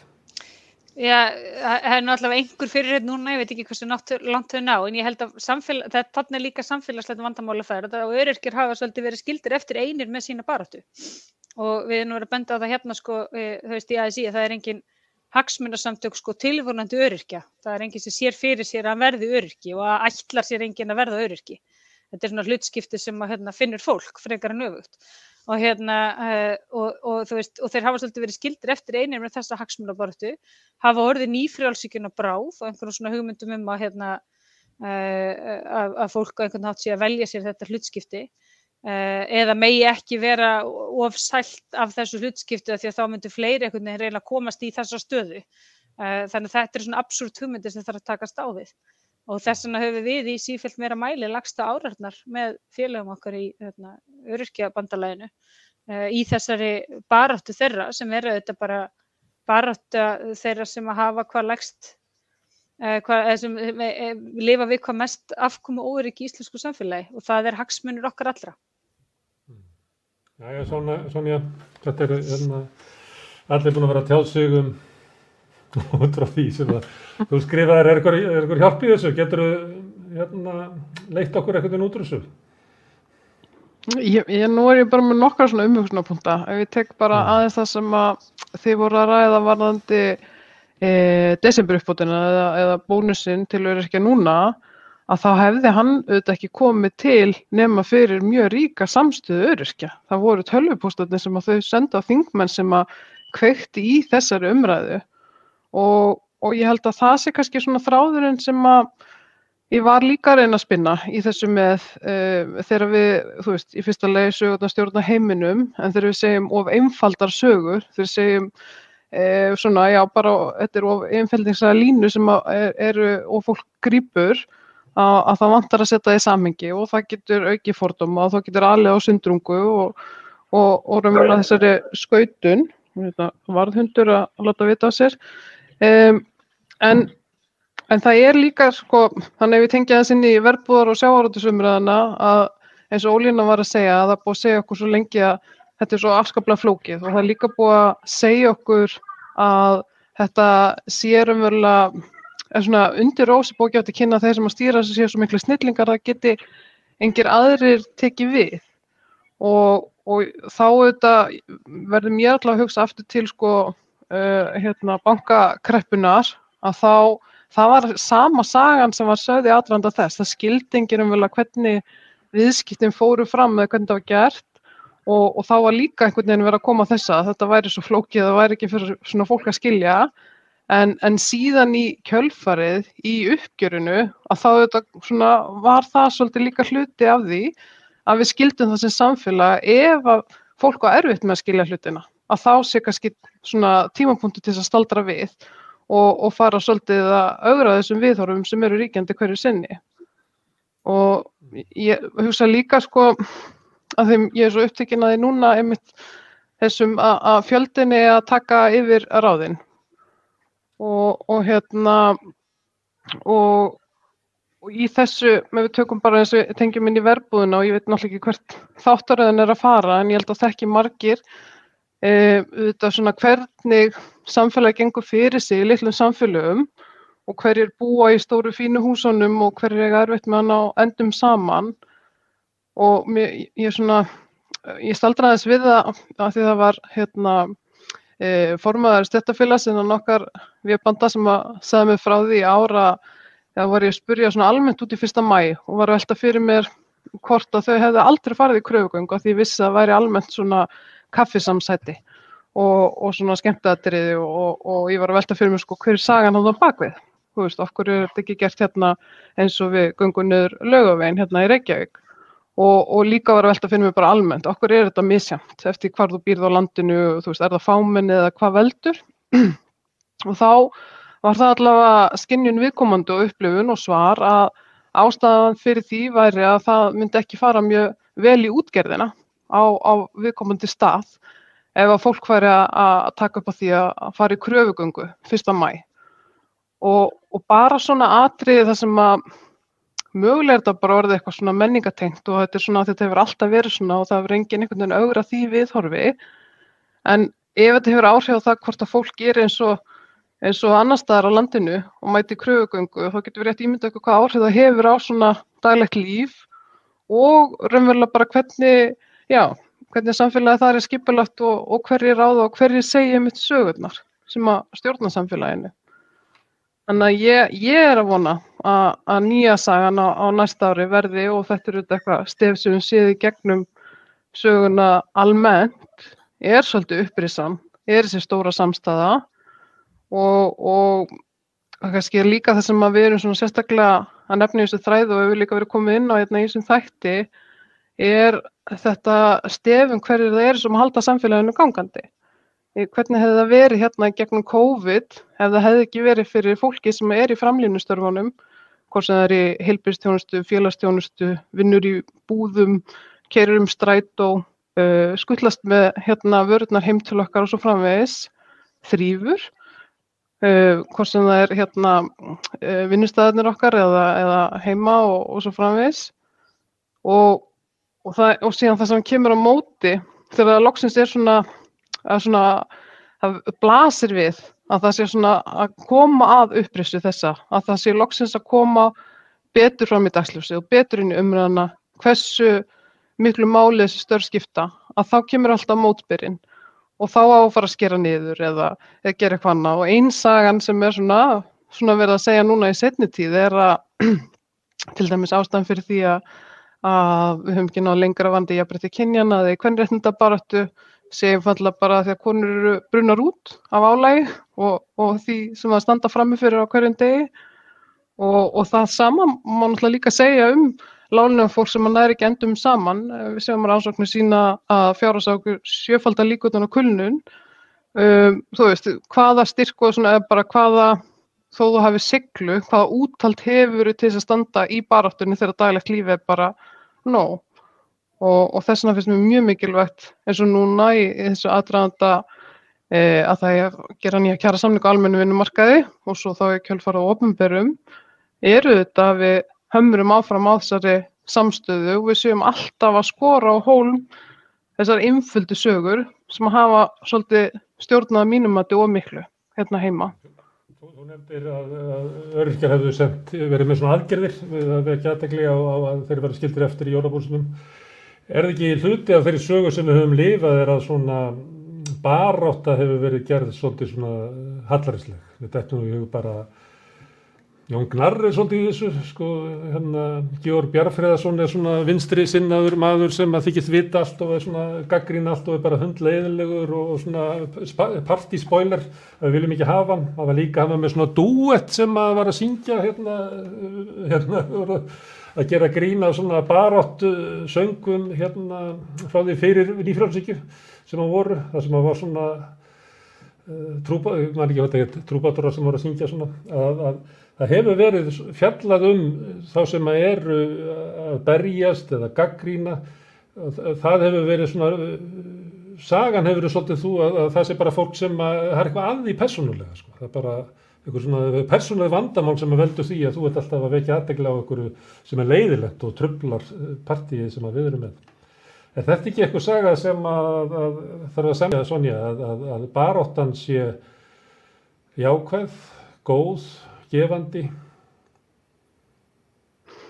Ég er líka mitt veld fyrir mér að því að einstæsta byrtingamyndin að því myndist á fyrstu mægönguna hérna áðan og, og það er alveg á hreinu að það er mjög, mjög mörgur sem finnst það mjög hallarslegt en ég veit einhvern veginn fátt sterkara heldur en að standa eh, einhver staðar þar sem er þessi svona að finna fyrir svona fjölda fólks sem er að, að saminast um einhverja kröfu til framtíðarinnar og, og vilja bæta heiminn en ég held líka kannski ef við tekum bara aðeins út frá verkefælsýfingunni ég held að við mögum líka alveg endun í okkar form, ég menna við sjáum að að barátturnar á undanförnu eru svona samfélagsmiðla baráttur og það er verið að nýta svona öðruvísi heldur en að fólk sé að koma saman og mögulega er það bara líka eitthvað sem við þurfum praktíkt sé að gera á næstunni út af faraldrinum. Og, og ég held það hafi miklu fleiri áhuga að taka þátt í baráttunni en átti sig ekki alveg kannski hvernig. Og, og það er kannski líka stóra eiliða verkefnið er hvernig við virkjum fólk í baráttuna og, og, og svona samin um þessar rattir allar. Að ég held að stóra markmiði sé alltaf það sama, það eru svo örfáir sem eru að verja sérhagsmunna að, að þeir sem að vilja standa saman um að, að svona ganga framar varðandi samveilu hagsmunna, að við þurfum einhvern veginn að koma þeim bak við hátalana eða að gefa þeim rými, en sömulegis að hlusta á fólk og þess vegna, svona enn aftur þannig tengin í greinina, þá megi ekki sögurnar af þeim ríku og þeim valdamiklu stjórna heiminum. Það þurfa að vera sögurnar af fólkinu og, og hvað þau þurfa á að halda. Og ég held að sé alveg ljósta inn í næsta ára að, að mikilvægast þess að getur gert er að tryggja fólki örugt húsnæði, ef við tökum það. Og síðan eins og Halla var nefna út frá rannsóknum vörðu að það eru þetta mjög sláandi tölur á fjórðungu launafólks ná ekki endum saman. Og svo helmingur atvinnlösa og síðan það 80% öryrkja og 90% einstæðara öryrkja. Og, og við vitum þá, við vitum að það er lengri tíma að það er í kringu 12% batna sem að búa við fátækt, þannig að þetta er sá hópur sem er í mestri áhættu á því að búa við fátækt. Og mótsvari við þessu ekki að sá, já, jöfnöður er hvað mestur hér á Íslandi. Og ég man hérna kringu 2018 þá var þetta svo mikil umræð um innan jöfnuð.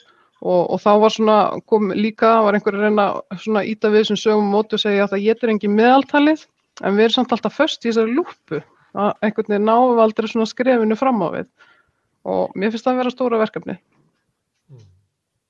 Halla, má ég spyrja út í þetta með hérna um svona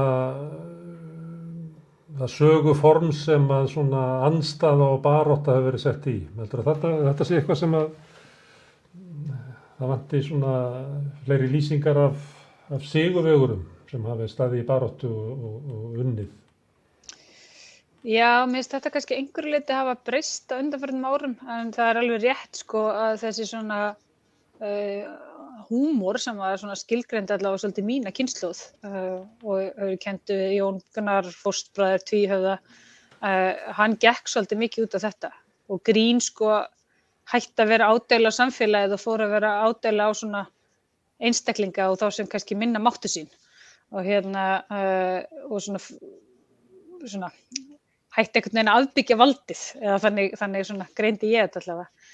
Uh, en mér langaði að bæta við sko með þessar sögur sko, þú veist, það er náttúrulega eins og Sonja nefnir sko sagan sem er búið að vera að skrifa núna á meðan við gengið í gegnum hana faraldur af því hverjir það eru sem að vinna störfin í íslensku samfélagi, störfin sem skipta máli, veist, hverjir voru það sem að var ekki bara hægt að senda heim sko og hérna uh, og, og hverjir voru það sem er að hafa haldið samfélaginu gangandi í gegnum þetta Mér finnst það vera eh, eina af þessum mikilvæga sögum sem að verkefliðsrefingin eh, hefur verið að segja og þarf að halda áfram að segja.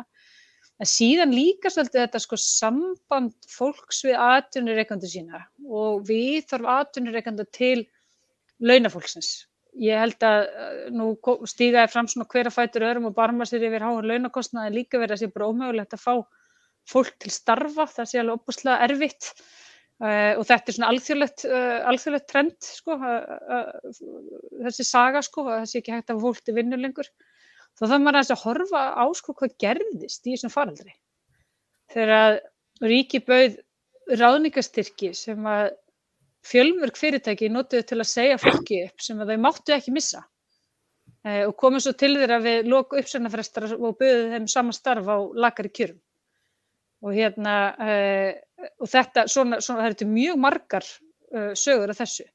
Fólk sem hafi kannski sínt sínu vinnust að treyði ára og jável ára tíu finnur allt í hennu að þegar uh, ekki einu sinni herrbakkan slæðir, bara það er eitthvað svona aðeins bara þegar tækifæri skapast að þá skiptir það aðtunurreikandar engum máli að móta einhverju mögulega stundagróða og tækifærin til að nýta kreppuna til að þrýsta niður, uh, þrýsta niður kjörum.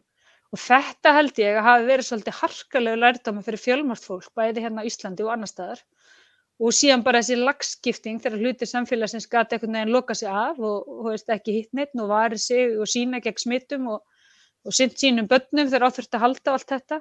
En svo var annar hluti sem bara gati það alls ekki. Og, uh, og, framlag þeirra er bara ekki viðukent eða metið. Og þetta held ég að séu svona sögur sem er eftir að fylgja okkur svolítið inn í uppgjörið við, við þennan tíma. Anna Kristi, má ég spyrja þetta því þú nú hjókunarfræðingur?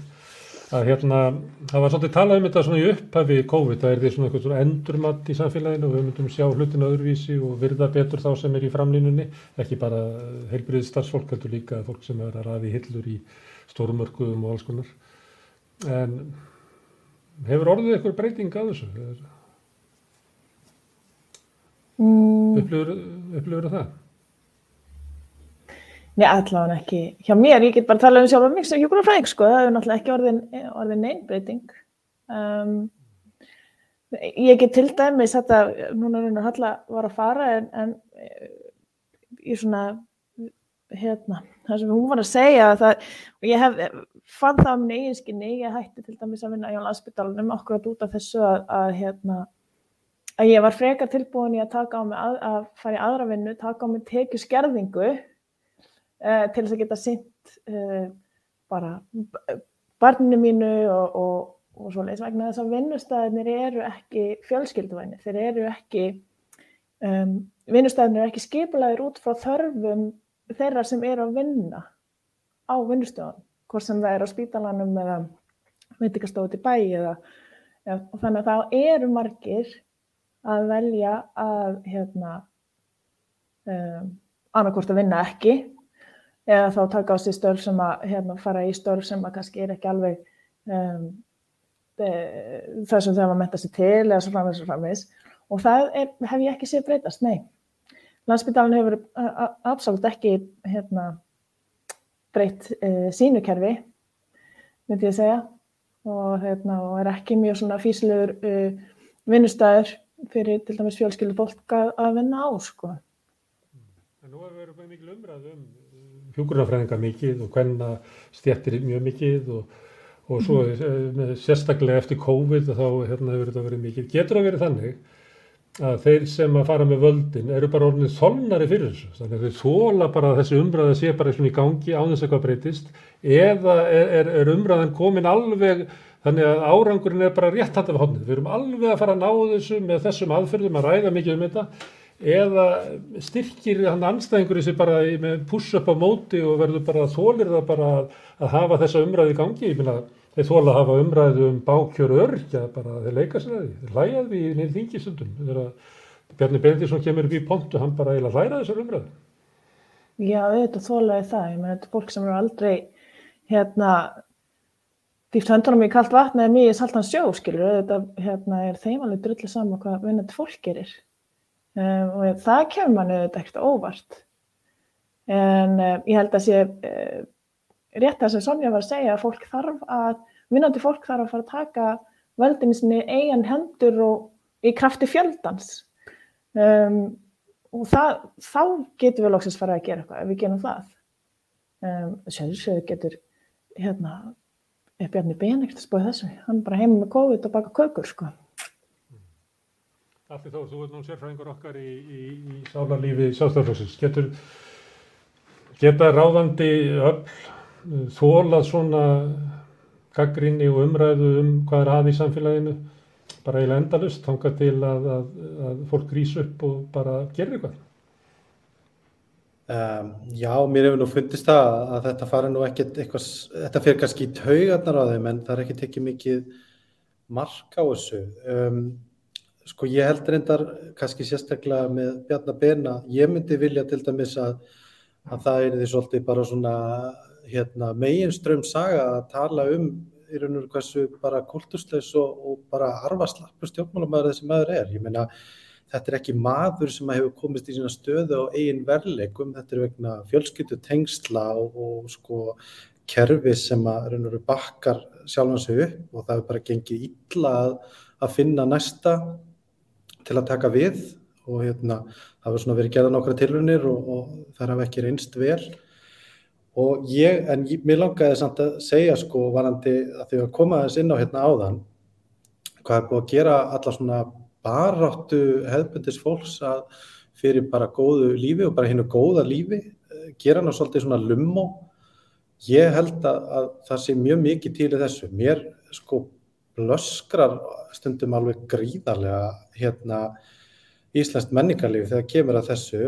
Fyrir COVID þá bjó ég hérna í, í tveim löndum og, og svona flakkað á milli og þannig að maður svona fekk svona smít af Íslandi alltaf og, og þótt alltaf og væntum það þegar maður var hérna. En nú er ég búin að vera hérna í gegnum COVID og hefur verið heppin að geta að fara í leikús og annars líkt sko. Og það er alveg, það er sláandi hvað sko pointið eða, eða þess að tilgangur allra leikrita eða svona hérna sko djókið er alltaf sko svona valdinu í hag. Það er einhvern veginn, við erum að við fyrirgefum yfirvaldinu alveg ótrúlegustu hluti og gerum alveg linnulöst grín af fólki á gólfinu og setjum alveg gríðarlegar kröfur á fólk í gólfinu. Ég nefni til dæmis, já, ég minna hjúkunarfrænga, það er eitthvað sem hefur verið talað um, um hér mikið, ég minna þetta er, þú veist, þetta er ekki, þú getur ekki bóðið nokkur manni upp á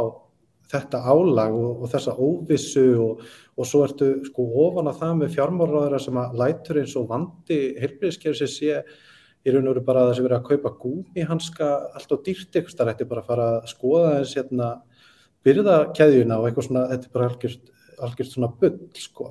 Og maður, þú veist, maður sér það í leikrit eftir leikrit eftir leikrit að allir sem eru með sterkar skoðanir eða, eða þú veist, vilja standa fyrir eitthvað að svona í lok leikritsins þá hafa þeir nú gengið í sátt og eru hættir þessari vittlisu fyrsti mæ gerður hallarislegur allt í hennu er umræðum gul stjættafélög látið eins og þetta sé bara eitthvað rosa flóki það sé bara ekki til neitt skilgrinning á því hvernig þessi félög virka. En þetta stendur, þetta er bara likur í augum uppi, ég minna stjættafélög sem eru ekki í alvöru og reka ekki raunverulega kjarabáttu þú veist, það eru gul stjættafélög og sérstaklega þau eru með mjög náinn tengst við vinnuveitenda og þú veist og þetta smitar auðvitað svolítið svona tólkun okkar á öllu. Og mér langar til dæmis aðeins að ræða hérna bara eitt mál og svo skal ég hérna sleppa orðinu af því að það er náttúrulega eitt mál sem tekur mjög stóran hluta af mínu degi og það er hérna namibíumál samverja manna. Og ég saði nú stundum í gríni við fjölskyttuna mín að, að Þorstein Már vildi ekki að ég ætti helgarfrí nokkuð tíman þetta mál, sko, sögurnar eða þú veist, í raun og veru svona ímyndir sem er búin að skapa um þetta hér á Íslandi hún er bara algjör, hún, hún er bara algjör vittleisa. Þetta er ekkit eitthvað stórt mál á íslenska mælikvarða, þetta er rísa stórt spillingamál á heimsvísu. Þetta snertir á 30 lögsögum, það var rænt hérna líf, lífsviðværi líklega yngum 2000 manns, það er búið að nota skattaskjólum allan heim það eru, hérna, þetta tengist inn á markaði í, Noregi og Breitlandi og Þískalandi og það er sko, og það, þetta er búið að hafa gríðarlega áhrif, það er, það er sko, raun og veru stjórnar krísa í öðru landi. Ísland er útflutningsaðili spillingar í þessu máli og hvers vegna eru við útflutningsaðili spillingar? Vegna þess að mítan um yfirbörði íslensku þjóðarinnar að hér sé allt svo gott. Við höfum einhvern veginn fundið bara líkilin að þessu allir og það er svona séaldin einar afleðingar af neinu sem við gerum. Hún er svo lífandi og hún er, hún er endur tekin í öll það er tekin ákvörðunum að gera Íslanda banka nýlendu, það er náttúrulega kannski svolítið klikkuð ákvörðun, en kannski er ennþá klikkaður ákvörðun að það mátti aldrei gera neitt til að vera um góð í því. Við förum í hérna lagseldi og nú 30 árið sýtna eru við að ræða ennþá hvort við ætlum að vera í, eða fyrir ekki í fiskeldi en ekki hvort við ætlum að setja eitthvað regluverkutu og gera þetta vel Veist, hér er algjört hrun fjölmila eins og kemur fram í umsögn hérna Blamanafélagsins bara 45% hérna fækkun eða eitthvað á síðustu þrema árum Blamana en við skiljum ekkert hvers vegna fjölmilar eru eins og þeir eru, þú veist, þeir eru ofta ekki mjög djúpir, veist, það sem að segja meira. Og þetta er ég held að þetta sé liður í því að það er, við erum alin uppið og ég, ég tengi við þetta sem Halla segir, sko, alin uppið svona djók sem snýst alltaf um að nýðurlæga sko þá sem að hérna eru minnumáttar en líka að setja alltaf mesta ábyrð neðst í keðjuna. Við sjáum þetta í COVID, allt í hennu er hérna Þórólfur ábyrgur fyrir hérna öllum sóttvörnum hérna, Hann, hans hlutar gera að leggja fram tilugur. Það eru ráð þeirra sem taka allar þessar ákvæmur, þeir bera ábyrð á þeim öllum og svo sjáum við þú veist þegar fjölmjölur eru gagnir, bladamannabötnin þegar að hérna samverjum álkjumið þá er þetta bara eitthvað svona vonska í honum helga seljan. Og þetta, þetta er ég held að sé dýbra á þessu í okkar menningu en við oft gerum okkur greið fyrir. Og ég held að þetta tengist mjög inn í sérst menninguna. Og ég held að þetta séu sko leifar af því þegar í raun og veru svona, hvað ég segja, svona rítvöndar og ljóðskáld hérna, hérna vinnandi stjætta voru bara sko setti, bara jaðarsettir af valdinu. Það er bara ómikið rými fyrir gildi hérna efsta lagsins. Það er til dæmis jaðarskoðun á íslensku samfélagi að eiga að selja Íslandsbanka en það er alltaf látið eins og þetta sé þú veist, eitthvað svona 50-50. Það er líka jaðarskoðun í íslensku samfélagi að bóluefni séu eitthvað sem við eigum ekkert, veist, þurfum ekkert að nota. Það er látið eins og þetta sé bara svona eitthvað svona eitthvað pæling. Það er bara allt og mikið rými gefið fyrir gildi sem eru bara algjörlega á skjön við samfélag og þá er ég ekki að meina sko að ég að þakka þetta eða eitthvað slíkt. Auðvitað ég var að geta rætt þessa hluti en þú veist það er bara svo mikið kopp-átt að segja bara alltaf hérna já hér eru við með þú veist hérna mann, hér, hér eru við með konu, að við erum kona sem er með doktorskráðu og hefur unni við þetta í 30 ár og svo erum við hérna með aðstofamann hérna þingflokks, einhvers flokks og hann er með eitthvað pælingar þá hann hafi ekki kynnt sér þetta. Þannig að ég þetta hafi, hafi meikað eitthvað senn sem ég var að segja en ég held að það sé gríðilega djúft á því að við höfum við hérna að okkar menning hún er skrifuð fyrir yfirvaldi þó að það séu þetta inn á milli góð dæmi um þú veist það sem er bara valdið er afhjúpað en ég, ég nefnir þetta bara atomstöðuna það er bara ennþá einn besta verk sem að bara sýnir hversu kultuslaus og, og spilt og léleg yfirstéttin á Íslandi er sko. Má ég taka aðeins frá það sem þú varst byrjaðir með að tala svona um hvernig fókusin hefði færst í bæði í skopi og svona í gaggrinni á þá sem að væru lægi niðri og við, kannski getum við spaukstofan var að gera grín af, af valdinu en, en, en hérna fóstbræðra uh, kynsluðin er að gera grín af, af landsmönnum, kannski kom bara þörfa á að gera þetta og þetta var óhjákvæmilegt. En, en sömuleiti orðið var við þetta að nú er áramöndaskaup framöndan að þá er svona fólk hefur orðið glatt yfir því ef áramöndaskaupið er bara um almenning. Þannig að þá, þá er eitthvað deilur í stofunni, eitthvað pólitíska deilur yfir hvort það var gott áramöndaskaup eða ekki og, og að sömulegt er ekki ennþá komið ljós hvert sko verbúðin er að fara. Hún gæti þróast yfir að verða mjög beitt pólitísk en, en í fyrsta þættinum er fyrst og fremst verið að svona að draga upp skopmynd af almenningi sérfræðingarnir að sunnan eru til dæmis í til dæmis mildu ljósi allavega í samabörði við tógaraskipstjórun og eitthvað fleira. Hvað segir þú um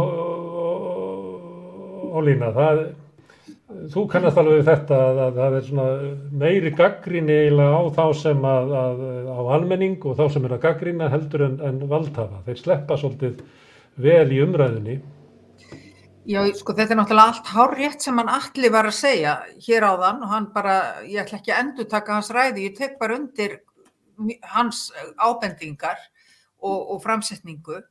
Sko það hættulegasta sem að, hérna, sko hættulegasta vopnið, gagvart hverjum sem er, er að gera hann hlægilegan.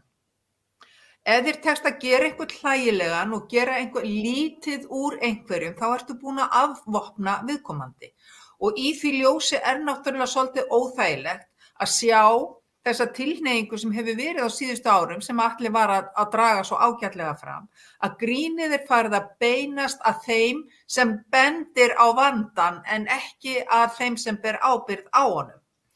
Og það nú stundum sagt sko að mesta sigurverk djöfilsins hafi einmitt verið það þegar hún tekst að telja heimsbyggðinni trúum að hann væri ekki til Það getur oft verið ágætt ef að óvinnurinn getur dulist, ef að ógnin er ósýnileg, þá getur hún bara farið sínu fram.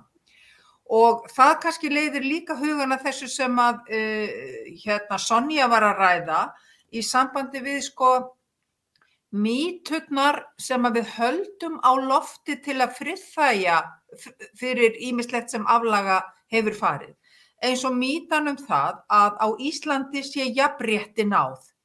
Það er ekki rétt. En ef við höldum í mítuna þá nennum við heldur ekkit mikið að berjast. Mítan um það að vinnurétturinn sé orðin eins og hann eigi að vera og að, stjætt, og að hérna, réttindi launafólks að þeim réttindum öllum hafi verið náð. Það er ekki rétt. eins og sínt hefur verið fram á í samband í umræðinu um gulu stjættafélögin sem að hérna eru komin inn í umræðuna núna. E, félög sem eru stopnuð á forsendum atvinnureikenda e, þar sem að hinnir félagsmennir hafa ekki aðkomi að því hvernig stjórnir eru skipaðar og ákvarðanir teknar og svo framvegis. Þetta er bara, þetta er bara dölbúningur. Þetta eru náttúrulega mjög klókindarlegar aðferðir í umræðinni til þess að bæ, þetta eru smjörklípurnar og e, sko þetta tengist, finnst mér svolítið skemmtilega þessum tveimur, annars vegar kvikmyndinni Don't Look Up og þessari þáttaröð verbúðin tengist því á vissan hátt þessari umræðu þar að segja að vilja ekki horfa upp, vilja ekki horfa á vandan og sjá hann eins og hann er. Það er, það er svo mikil orka lögð í það að fólk horfi á eitthvað annað og telji sér trúum að, að hérna, það þurfi ekki að gera neitt og allt sé í lægi og þá er náttúrulega í svoleiðis andrúslofti betra að gera bara grín af þeim sem kemur auða á vandan frekar heldur en að beina aðteglinu á vandamálunni sjálfu. Þetta er, þetta er þjóðfræðileg og mannfræðileg stúdía í raun og veru. Ólafur, hérna þú er takkfræðingur og það, það var líka talað um það í upphafi COVID að það væri svona ströngkvarfi í hagfræðinni, að það væri svona endarlega ljóst að nýfrálsku hérna, hagfræðin væri dauð. Hérna segðu okkur, hvernig hefur hef, hef, svo svona umbreyting gengið? Hérna, er það kannski þannig að, að þeir sem hafa hagað við að reka óbreyta stefnu hafi unnið? Okkur finnst það svolítið hérna á Íslandi, kannski hefur það verið öðruvísi ennendis, af því að e, eru svona umbreyting, strömmkvörf, gangaðu svona smúð fyrir sig eða er svona bakslag í þessu, verður varfið svona átök, eru mikil átök í umræðinu um það, hver, hver hérna mun sigra umræðina eftir COVID í hagfræði, í hvernig á að beita ríkinsfjármálum, hvernig á að fjármálakerfið verður reikið, hvernig vextir eru. Serðu fyrir þér að, að, að, það sem að mun taka við, svona samkomulag sáttmálinn í hagfræði sem á að taka við nýframskus samkom, samfélagsáttmálunum, serðu hann fyrir þér hver hann verður eða er ennþá átökum það hvað mun koma út úr þessu?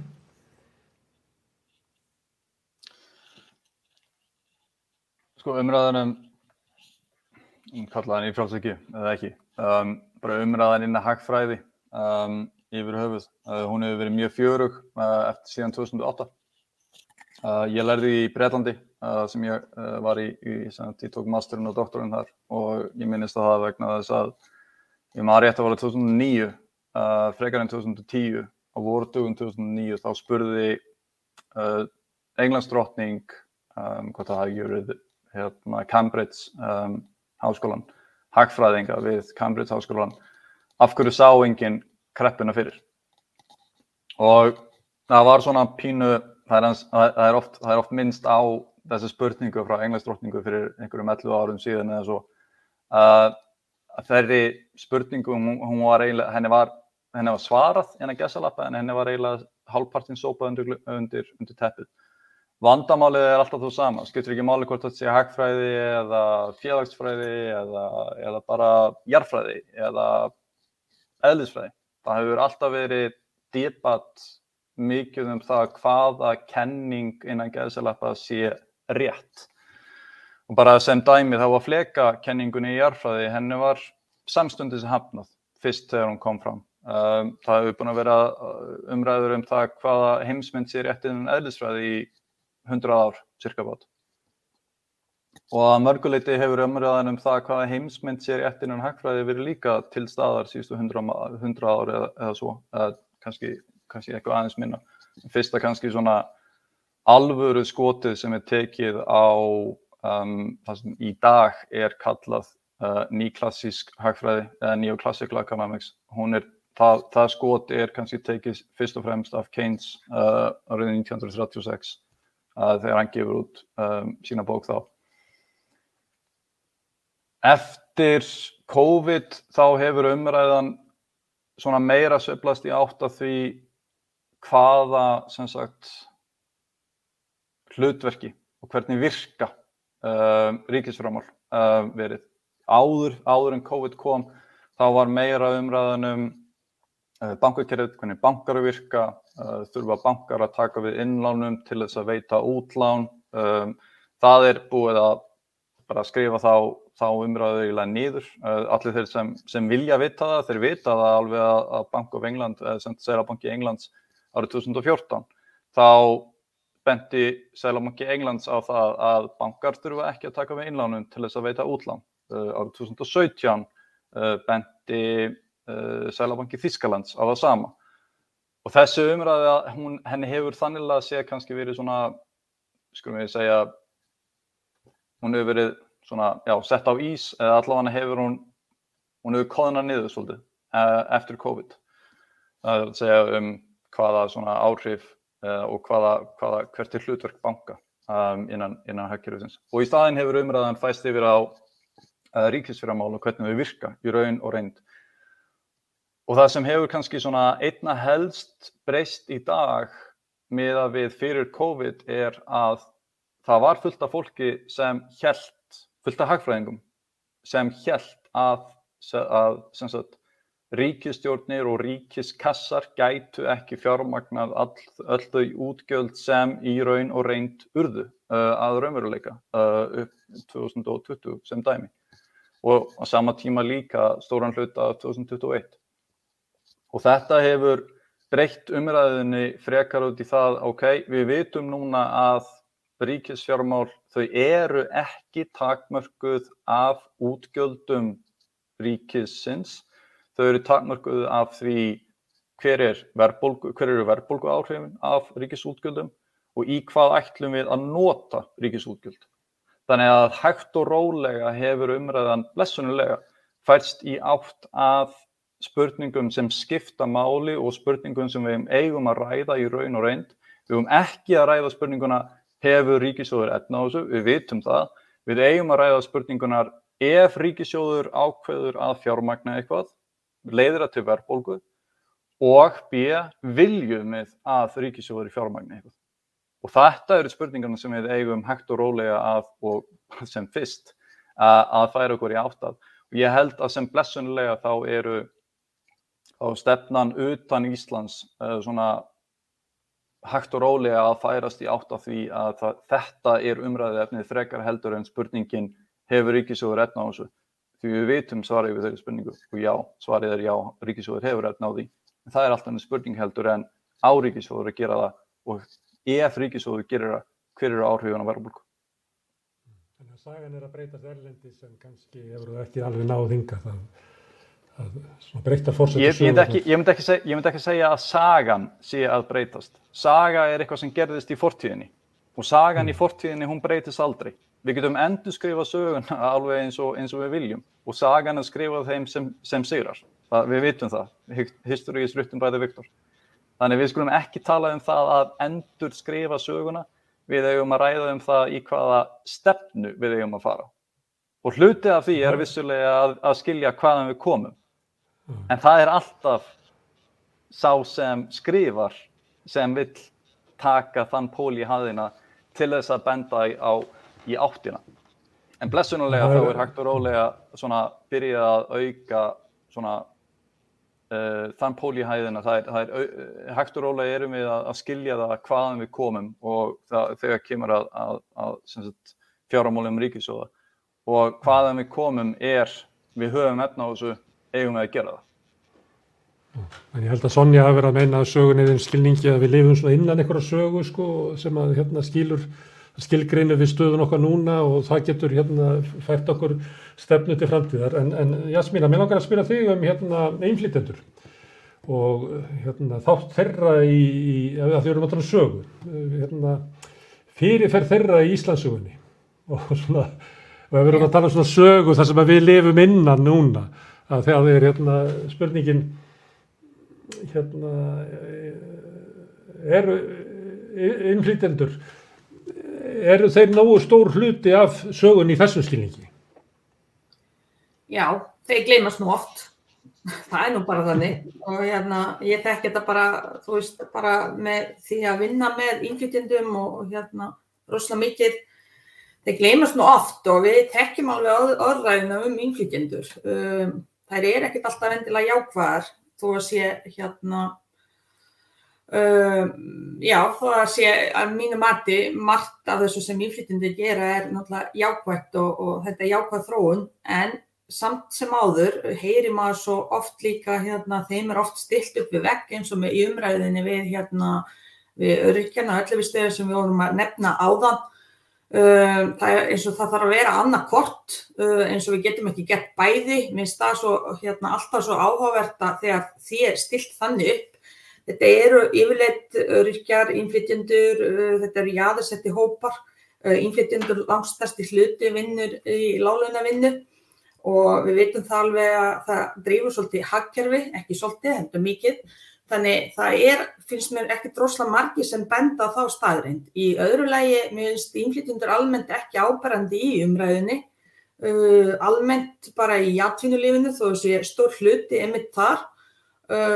Uh, það gleymist oft einhvern veginn hérna um, taka tillit til þeirra þú veist uh, þú veist þegar eru taka stjórnvalsákvarðanir þegar eru taka hérna fara í gegnum einhver regluverk þegar hérna ímislegt um, svona sem hérna gleymist. Og ég ætla ekki hérna ég gleymi því ekki því ég satt einhvern fund hérna með ránættinu og, og, og allt í einu hérna þá að tala um konu sem einn hóp og hérna, það var búið ákveða, en mann ekki eitthvað, hva, endilega hvað það var og þá, hérna, þá kom ég náttúrulega rosalega óvart að því ég bendi á en í þessu stýrihópi satt engin innflytjendakona og það náttúrulega þar með sagt að hérna, til dæmis um, það var ekki tekið sjónamið þeirra í þessari ákvörðantöku og, hérna, og það voru allir hissa. Þannig það gleymist allstar og ég var með fyrirlaust og bara um daginn og það var einmitt sagt við mig að hérna, já ég var ekkert pæla út í það því ég var að gera starfsáöllun, auðvitað ég að vera starfsfólk erlendum uppruna í þessu hópi. Og þú veist þetta eru byrtingamyndir á svo mörgum stöðum að hérna það er einhvern veginn uh, í þessari þú veist verkefliðsbaróttu sem er búið að vera sko bara núna síðast það voru rosalega mikið tala um konur og konur að vinna og, og, hérna, og allt þetta en til dæmis stór hluti af stjættafélagum einmitt það sem voru í baróttunni er einmitt af erlendum uppruna, fólk af erlendum uppruna. Þannig hérna vonandi breytist baróttu núna þegar við erum að fá konu af erlendum uppruna til dæmis í, í hérna hjá eflingum sem formann Þannig það, það verður einhvern veginn svona vakið aðtikli á, á þessu hóp. Við sjáum mjög lítil af fólk að erlendum uppruna í sjónvarpi, útvarpi. Uh, uh, við heyrum ekki alls konar íslensku, uh, korki í útvarpi. Þannig, þannig það verður gaman að lesa söguna. Það er ég vona að ég verð það líflunga hérna að eftir svona 20-30 ár þegar ég fer að rifja upp tíman eins og núna þegar uh, síðan 2004 cirka bátt hafa innflytjandum fjölgjað töluvert og sérstaklega undarfærin svona 5-6 ár alveg sprengja. Hvort, uh, það verður, uh, hvernig umræða, hver, hver allar skrifa söguna fyrir það fyrsta og hvernig umræða verður um hérna, hvernig áhrif hafa innflytjandur haft til dæmis á atvinnumarkaðin og hvernig hafi það á verkefliðsfélögin, hvernig, hérna, hvernig breytist barátt að þar til dæmis, hvernig hérna, þurftum við að bregðast við alls konar hérna, bæði eftir hrun, uh, það voru stór hluti sem til dæmis fór aftur hindi sín, uh, hvernig saga verður skrifað núna til dæmis á COVID, hvað hérna hvernig hérna COVID-tímanum hafi innflytjendur, hvað hefur þurft að gera og hvernig hefur þurft að bregðast við. En í, við, eins og ég segi, þessi hópur er oft glimtur. Það er bara, bara staðrænt og þarf sérstaklega tilengar sér og ég hef alveg heyrt fólk af, þú veist, sem er alveg meðvitað um þetta, hérna, að, að við gleymum svolítið hugsa út fyrir bóksið við hugsaum svolítið á íslenskan hátt og einhvern veginn allum stil þess að allir hugsa sama. En það er því miður, það er svolítið breytið heimur og við þurfum að, að hérna, vera svona eins og ég segi, ingilda fólk líka verðlundum uppruna inn í okkar samfélag. og að það verður hluti af heildinni sem er oft ekki fólk upplifir sig en, en svo er eitt líka sem við þurfum að passa okkur á að hérna er það er það hvort við hérna við megum ekki heldur hafa umræðina svolítið neikvæða um innflytjendur. Við þurfum svolítið vega á móti að hérna að og það er líka svolítið svona byrtingamir sem má taka svona til fyrirmyndar að fleiri fjalla um þess að jákvæða yndir og hvernig hvernig innflytjenda hafa komið sér fyrir hérna. Langt flestir hafa komið sér vel, ég minna þáttökka innflytjenda í atvinnu er 87-8%. Þannig hérna það er ekkert eins og þetta fólk situr heima og ger ekki neitt. Þau nýta náttúrulega, það er búið að rannsaka þetta, þau nýta þjónustu mikið minna magni heldur hérna flestir Íslendingar og, og þau búa þrengra heldur flestir Íslendingar og allt þetta. Og, og það vandi bara svona, og svo er náttúrulega oft umræða snýst um að þau eiga bara að læra íslensku, það er meira en bara að læra íslensku að koma sér íslensku samfélagi, koma sér fyrir og umræða má ekki vera neikvæða að það er innflytjendur er ekki tala íslensku. Það þarf líka að opna umræðina akkur þau tala ekki íslensku. Uh, uh, hvað möguleika hafa þau til að læra íslensku? Af hverju fólk, af hverju langflesti innflytjendur eru í, uh, í lálaunastörfum? Af hverju, þú veist, mentu þeir er ekki metin og margt þetta þarf að koma fram í sögunni. Þú veist, hér getur þú ekki, þú veist, við erum að fara til útlanda margir hverju Íslend, Íslendingar að læra og komum heim og fáum hérna, metna mentun okkar hérna. Uh, Innflytjendur komum með sína mentun hérna og við erum ekkert að meta það til dæmis. Uh, þannig það er svo, svona, veist, það er þessi kerfi sem við búum til og það er einmitt stjórnmál sem taka þessa ákvarðanir og við þurfum einhvern veginn að breyta þeim. Og svo er eitt sem ég langar að segja það sem allir var að tala um og sem er mjög aðdeklisvert. Uh, það er þetta með hérna, hvers konar ég velti oft fyrir mér og það sem ég skrifa einmitt svona í byrjun hérna, umræðu uh, þegar við erum að tala um verbúð og allt þetta þegar við byrjum. Þú veist, uh, við þurfum að spyrja okkur hvers konar samfélag ætlum við að búa í og hérna og hvers konar gildi ætlum við setja fram og ég get alveg tekið undir með honum alla að við einhvern veginn gleymum því siðferðslega hérna, þættinu. Við erum svo fljóta að gleyma og við, hérna, við höfum alveg hérna, tækjutól, því það er nú bara liðræði og það er nú vel virt hérna á Íslandi. Þú veist að fólk er einhvern veginn að gera, sko, það, það er að draga einhvern veginn, hérna, að gera lítil úr uh, svona þessu siðferði sem á að vera rosalega hátt og, og, og allavega í mínum huga við þurfum að setja það bara upp í efsta stall að við ætlum að vera heiðarlega og, og, og við ætlum stunda viðskipti uh, heiðarlega og við ætlum að borga skatta af okkar peningum alltaf. Í dag erum við að sjá fréttir, það er fréttnæmt, ég meina, hérna, núna er búin að leysa allavega tvær fréttir sem tala um að einhver ákveðin einstaklingur er með hérna, fyrirtæki og hann er að borga skatt á Íslandi. Af hverju er það fréttnæmt? Þú veist, erum við að búa til þá samfélag sem síðferði er rosalega látt eða uh, þröskuldurinn þarf ekki að vera herra en það. Ég meina það á ekki að vera frettnæmt. Við eigum náttúrulega langt flestir held ég að borga skatta á sínum pinningum og langt flestir orðra fyrirtæki líka. Uh, það er þetta að við þurfum að einhvern veginn læra að Uh, ég myndi ekki nota orð refsa heldur, uh, við þurfum einhvern veginn uh, setja hérna þegar við erum að kjósa og hérna það er okkar liðræðislega réttur, einhvern veginn að hafa í huga hvað gildi höfum við og kjósa eftir því. Erum við bara hérna stiðið eitthvað fólk sem er hérna ekki sumu skoðun á við og hérna og akkur erum við reklæta til dæmis samherja eða einhverja afglöp í starfi eða, eða er það réttanlagt eða er það til lægi og hérna og allt þetta. Þannig við þurfum svona sem einn heilt pæla í siðferðsla þáttunum mikið meira heldur, heldur hérna kannski einhver öðru. Herðu, en hérna þú talar um þátt, þátt innflytenda í sögunni að þá ef það verður búið til verðbrúð þrjú að þá mun þá þáttur líklega, ef hann á að gerast á þingari, þessum að þessi þáttur var tekinn, að þá mun líklega sko 70% af, af, af samtölunum að vera bólsku. Ég regna með því. Ef þeir alltaf halda svona áfram raunsæri mynd af, af stöðu sjáabíða því að Já, það er náttúrulega innflytjendur sem að fyrst og fremst halda uppi þessum smarri byggðum. Herðu Ragnar, þú múin að sitta prúður hérna lengi. Nú er að koma inn á það að kannski snýst þetta allt um sko siðferðislegt, uh, siðferðisleg mál.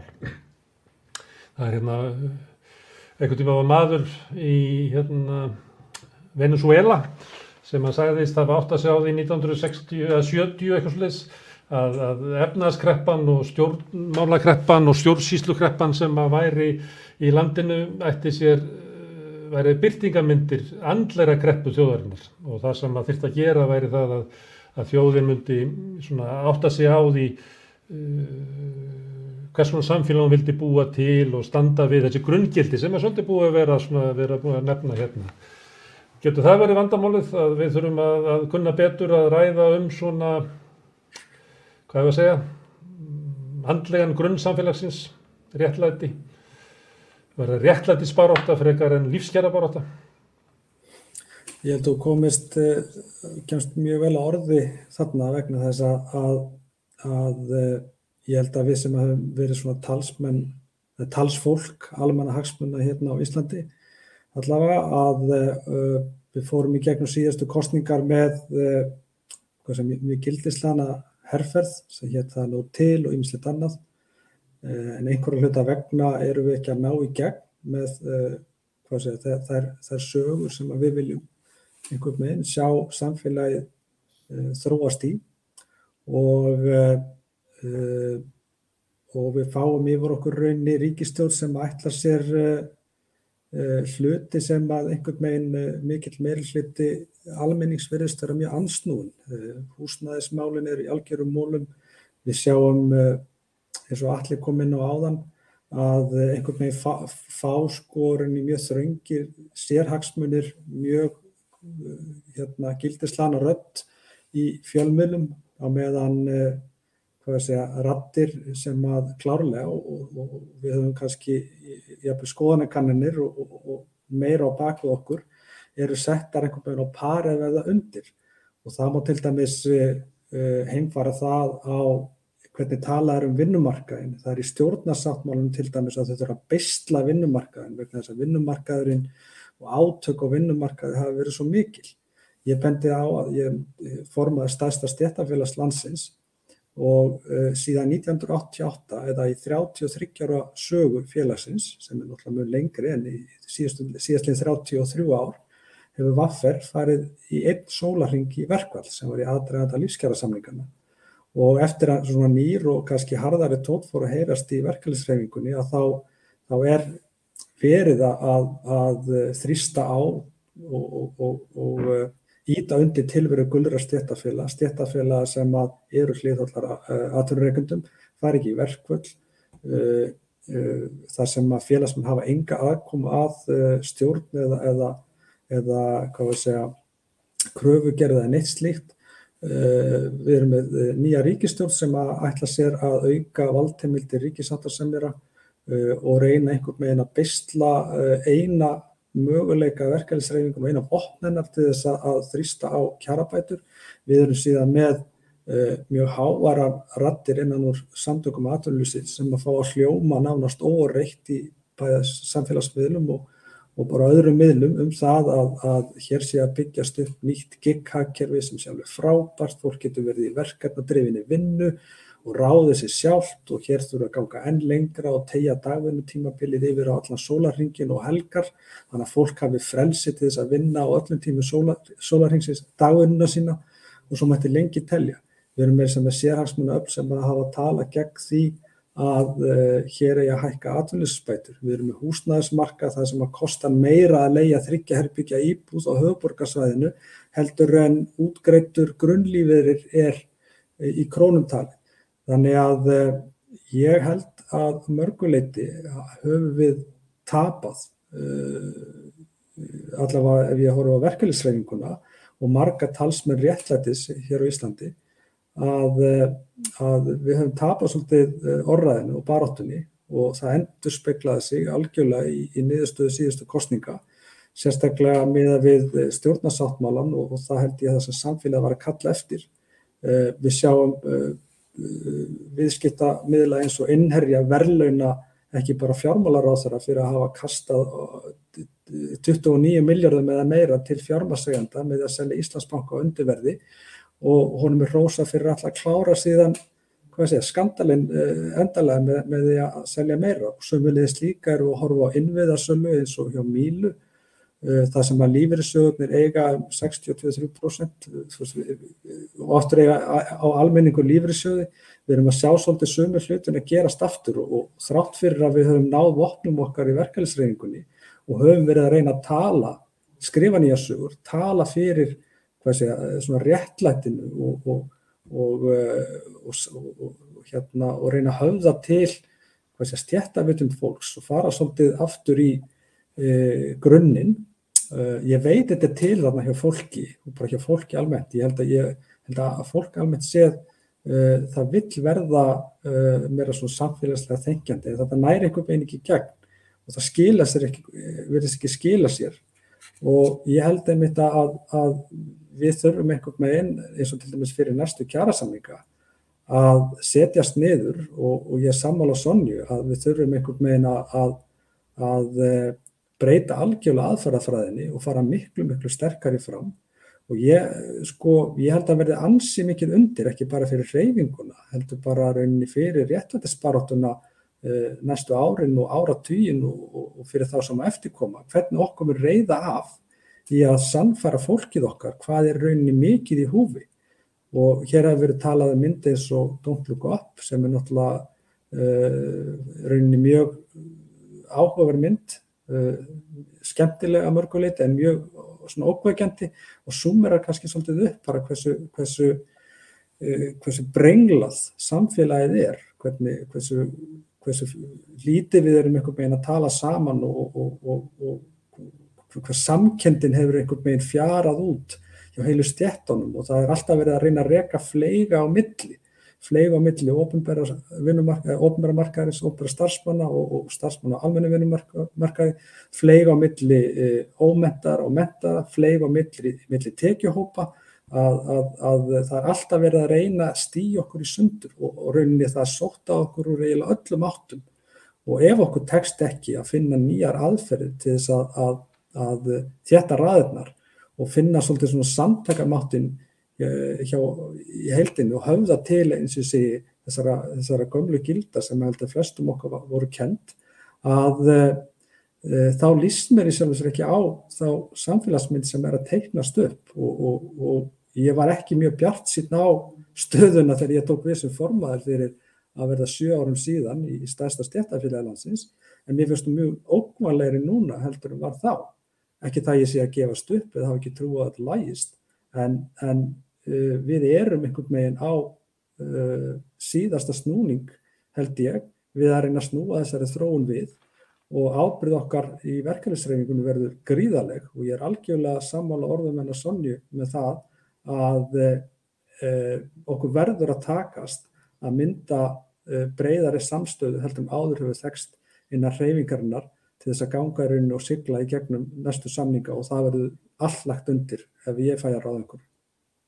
Ok, hérna, ég ætla að fá enda hjá þér Sonja því að þú er nú búin að vera greinin þín er búin að vera þráður í þessum umræðum ásamt eh, jólamynd Netflix og jólamynd hérna, Ríkisútarfis það sem að Ragnar er að segja og suminleiti koma fram hjá höllu líka að, að eh, verkefnisreifingin, bæði BSB og ASI lögðu svolítið undir í kostningabáratinu, örgjabandalagið og svo er niðurstaðan svona ekkert sérlega góð það, hérna, það, er, það er ekki þau sjónamið sem örðu ofan á og ekki einu þau sjónamið sem réðu sko, umræðin í kostningabaratunni er þess að vangaveltu þína núna um svona nýja sög og eitthvað svona sprotnar upp á því að, að það þurfi raunverulega endur nýja baratuna að til þess að ná einhverjum alvöru árangri að þá þurfi hreyfingin og þeir sem að vilja einhver umbætur í samfélaginu að taka höndu saman og gera nýja hluti, starri hluti, ákannari með skýrari markmið? Hmm, Sko, ég, ég var svolítið svona saman stað eins og, eins og Ragnar svona skömmu eftir kostningar og við hefum líka rætt áður hérna í þessu spjalli að, að svona allavega ég og margir aðri vorum ég hugsi byrju okkar hver verður staða núna? Um, en, en núna er ég meira í þessum gýr bara eitt eint ofur rétt bara, þú veist að ég allir eitthvað inni.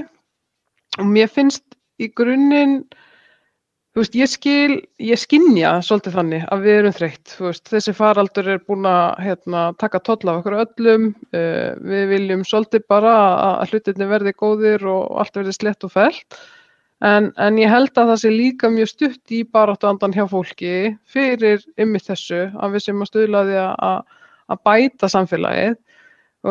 Sko þessi þræðir, veist, eins og í þessu, þessari grein, sér að rekja, veist, þetta er þetta, svona, þetta, eru, þetta eru hugmyndir frá mörgum sem að maður svona þegar maður næri einhvern tíman andrými og sest niður að þá tengjast punktandir einhvern veginn í hausnum á manni og það var svona upplegið þarna að því að ég, fyrir mér við erum kannski mörg að berjast fyrir svona afmörkuðum efnum eða svona málefnum í, í, í sikvara hotninu og, og það er stort verkefni að, að samina sjónamiðin og taka þau bara svona ofar þannig að það ná einhvern veginn út fyrir og sé, sé verið að sína styrklegan þannig.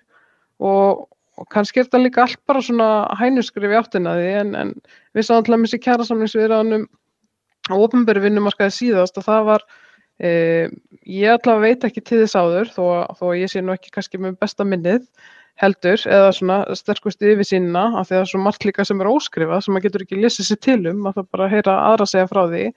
En þá tókst að samina öll stéttafjölu eh, í því að berjast fyrir til að með styttingu vinnuvikunar og, og ég er, þú veist, svo reynsla sínir manni mitt líka hvaða árangri er hægt að ná uh, en, en það þýðir ekki, það er ekki þar með sagt, það var unnið mjög hörðum höndum að því að samina þessi sjónamið og fá alla til að tala saman og, og bara svona vera samstíga í þessu og tala einni skýri rödu og, og núna höfum við ágættist tíma og ég held að sé komið tími til þess að við svona bara, já, setjumst virkilega niður eins og Ragnar er að segja og ákveðum hvernig við ætlum að fara í þetta.